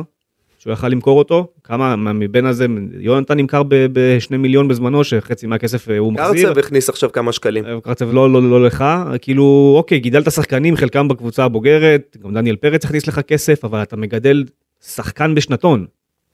כאילו, זה בערך הממוצע. אתה מגדל שחקן בשנתון, זה לא אמור להיות. בתקציבים של קבוצה בוגרת בליגת אמור העל. לגדל הרבה הרבה הרבה יותר, ובנוער הדברים עבדו בצורה מסוימת, ון לובן הבריח לך לא מעט כישרונות, ון לובן הלך, הגיע קלאודיו ברגה, גם הוא מתחיל להבריח לך לא מעט כישרונות החוצה, יש שם הרבה קונפליקטים פנימיים, המחלקה לא עובדת טוב. בוחרים מאמן שהוא לא מאמן, שיאמן את הנוער, אתה הורס ילדים, זה בסוף ילדים, אתה, זה, זה שנה כל כך קריטית בחיים שלהם בכדורגל, ואתה זרקת אותה לפח, זה שנה שעוד תחזור להם אחורה, אתה לא תחזיר את השנה הזאת. וזה, וזה גם, שוב, זה עוד דבר. ש... יכול להיות שאם היה פה את הפונקציה הזאת שאנחנו מדברים עליה, העוד בן אדם, המנספורד הזה, אז הוא היה מטפל בזה. אתה מבין מה אני אומר? כן, אבל זה נסתר, זה רחוק, זה רחוק אפשר שיצחק ינהל גם את הנוער, גם את הבוגרים, גם בבית ספר לכדורגל, גם יהיה הסקאוט, גם יהיה האנליסט, אתה לא יכול שאדם אחד יעשה הכל. הכל אפשרי, אבל אז אתה כבר לא מכבי תל אביב. נכון. אז אתה לא מה שדיברו עליו ובנו עליו, ש- שהיה פה את ג'ורדי והיה פה את הכל, ואמרו, מכבי תל אביב היא צעד לפני כולם, קודם כל בניהול. אתה כבר לא זה. אתה הפסדת את הקרב הזה, שהרי כשמיץ' קנה את המועדון לפני כל כך הרבה שנים בכל הראיונות, מה הוא אמר? זה לא לבנות קבוצת כדורגל, זה לבנות מועדון כדורגל. ארגון. ארגון, ופה זה מתחיל ליפול. עכשיו זה לא שמכבי תל אביב היא ארגון מתפרר וזה, שלא ייקחו את זה לשם. ברור שלא. אבל הוא לא מספיק, הוא לא המצוינות שהוא היה. הוא כבר לא הטופ. מועדון כדורגל, וזה אני אגיד לך את זה עכשיו מהחבר'ה שהולכים לרכוש את הפועל, שהם מגיעים מאנגליה וארצות הברית. זה גם משם מגיעה ההשקפה של מיץ', מועדון כדורגל צריך בישראל, צריך מנכ"ל שעוסק בניהול ספורטיבי, שזה המקצוע שלו. אם אתם רוצים שאני אגיד שם אז שוב אני אגיד מנספורד. והוא צריך head of scout. הסקאוט הראשי, שהוא מגייס כישרונות והוא אה, מביא את השמות. וזה קרה כשאיביץ' היה פה, היה לך מנספורד, הוא היה המנכ"ל, והיה לך יצחקי, head of scout, ומתחת היה מאמן מאוד דומיננטי. ואז זה עבד, ואתה לא שם. אתה לא שם. היום המנכ"ל וה head of scout והמנהל הספורטיבי זה אותו, זו אותו, אותה דמות. אז מי, מי, מי מבקר אותה? מי מפקח עליה? אנגלידיס שלא נמצא פה, שבא פעם בחודש או פעם בחודשיים, או גולדהר שרק דרך מיילים. זה לא יכול לעבוד לאורך זמן. ודווקא מגולדהר אתה מצפה שיבין את זה. שהוא יבין, אוקיי, שלוש שנים, משהו פה לא מסתדר לי, למה? אוקיי, אז זה, זה הסיבה של הלמה. וכל עוד לא ייגעו בזה ונשאר תחת אותו, אותו גלגל לא נגמר, אתה גם בתוך גלגל שכל חצי שנה יש לך מאמן חדש. וקרנקה עם השטויות שהוא עושה מאתמול, הוא בדרך להיכנס לסטטיסטיקה הזאת. ניכנס לסטטיסטיקה ועוד פעם, פה גם עוד פעם הולכים אחורה לנוער. מכבי תל אביב החליטה ללכת על מאמן זר. אבל במשך יותר מעשור אי אפשר היה לגדל מאמן בנוער? לא. גם זה פונקציה שלא עושים, בישראל בכלל לא מגדלים מאמן לא בנוער, בדיוק. לא עושים את זה בכלל וחבל, כי זה עובד טוב במדינות אחרות, ובמכבי תל אביב עוד יותר, אם אתה רוצה לפתח DNA של מועדון ומשהו, זה דווקא משהו שאני חושב שיכלת לעשות. וגם פה אתה מפספס, כי כל פעם שאתה מחליף מאמן, עד שהמאמן החדש מבין מה קורה באותו, באותו המדינת אי שנקראת ישראל, עובר הרבה מאוד זמן והרבה נקודות נשפחות. כן, טוב, זה היה פרק אה, מאוד, אה, מאוד אה, שחור ב, ב, בסיום שלו, הסיום היה שחור. אני עדיין חושב שהסיפור לא נגמר, ושיצחקי וקרנקה כן יכולים להציל את העונה הזו עדיין, הם עדיין יכולים להציל אותה. יכול להיות שגם מילי איזה זה שחקן מדהים שאתה תגיד, אוקיי, הוא פותר לי את הבעיות, אני לא יודע. אה, אבל הם כן יכולים לשנות את המומנטום, ויש לך השבוע להתכונן למכבי נתניה, זה מספיק זמן. חיפה עוד לא ניצחה את חדרה, יכול להיות שהיא תנצח, עדיין זה לא, לא על זה תיפול העונה, היום זה שבע, מחר זה יהיה ארבע. זה לא, זה לא כזה דרמטי, כן? זה באמת לא, לא על זה נפלת. אתה כן יכול לתקן, אתה צריך לתקן, יש שבוע שלם לעבוד באימונים על הדברים שאמרנו פה, ואמרנו לא מעט, ובלי שום קשר, מיץ' גולדהר צריך להתחיל לשים לב לדברים שאתה נכשל בהם שוב ושוב, ולנתח למה הכ- הכישלון הזה קורה. יכול להיות שאני ואתה מתחיל לא נכון, יכול להיות שהבעיה זה לא יצחק, יכול להיות שמיץ' גולדהר יגיד, אוקיי, הבעיה היא וואי. אז שיטפל בזה, אבל משהו חייב לקרות, אה, לקראת, לקראת העונה הבאה, כי אתה בתוך גלגל נוראי, שלא, שנראה שלא עומד אה, להיעצר, הגלגל הזה. אה, זהו, יוסי, היה כיף. גם לי, תודה רבה. נודה לאשתי ליאור, שבסיעור המוחות אה, שעשיתי איתה, הסוכנת שלי. ש... כן, שעשיתי איתה לגבי מה אנחנו עושים, הפרק, השם הראשון שהיא אמרה זה שלך, אה, ואני מאוד הסכמתי איתה, ויפה, היה כיף, היה טוב, ואולי נעשה את זה גם בהמשך בלי קשר ל... לשטויות שאורן עושה באיטליה. לטיסות שלו למילאנו, אני אשמח. יאללה, יפה. אה, טוב, כמו בכל פרק, אנחנו מופיעים עכשיו גם בטיק טוק ובאינסטגרם, ועולים קטעים בכל מיני פלטפורמות נוספות, אז דירוג אה, גבוה יעזור לנו, אה, וגם הערות, כמובן, אם יש לכם הערות. אז אתם יכולים להעיר אותן, חוץ מלמה אורן לא היה, זה כבר הבנו שהוא לא היה. זהו, תודה רבה, ניפגש אחרי נתניה, ונקווה שיהיה פרק עם באווירה הרבה יותר חיובית, להתראות.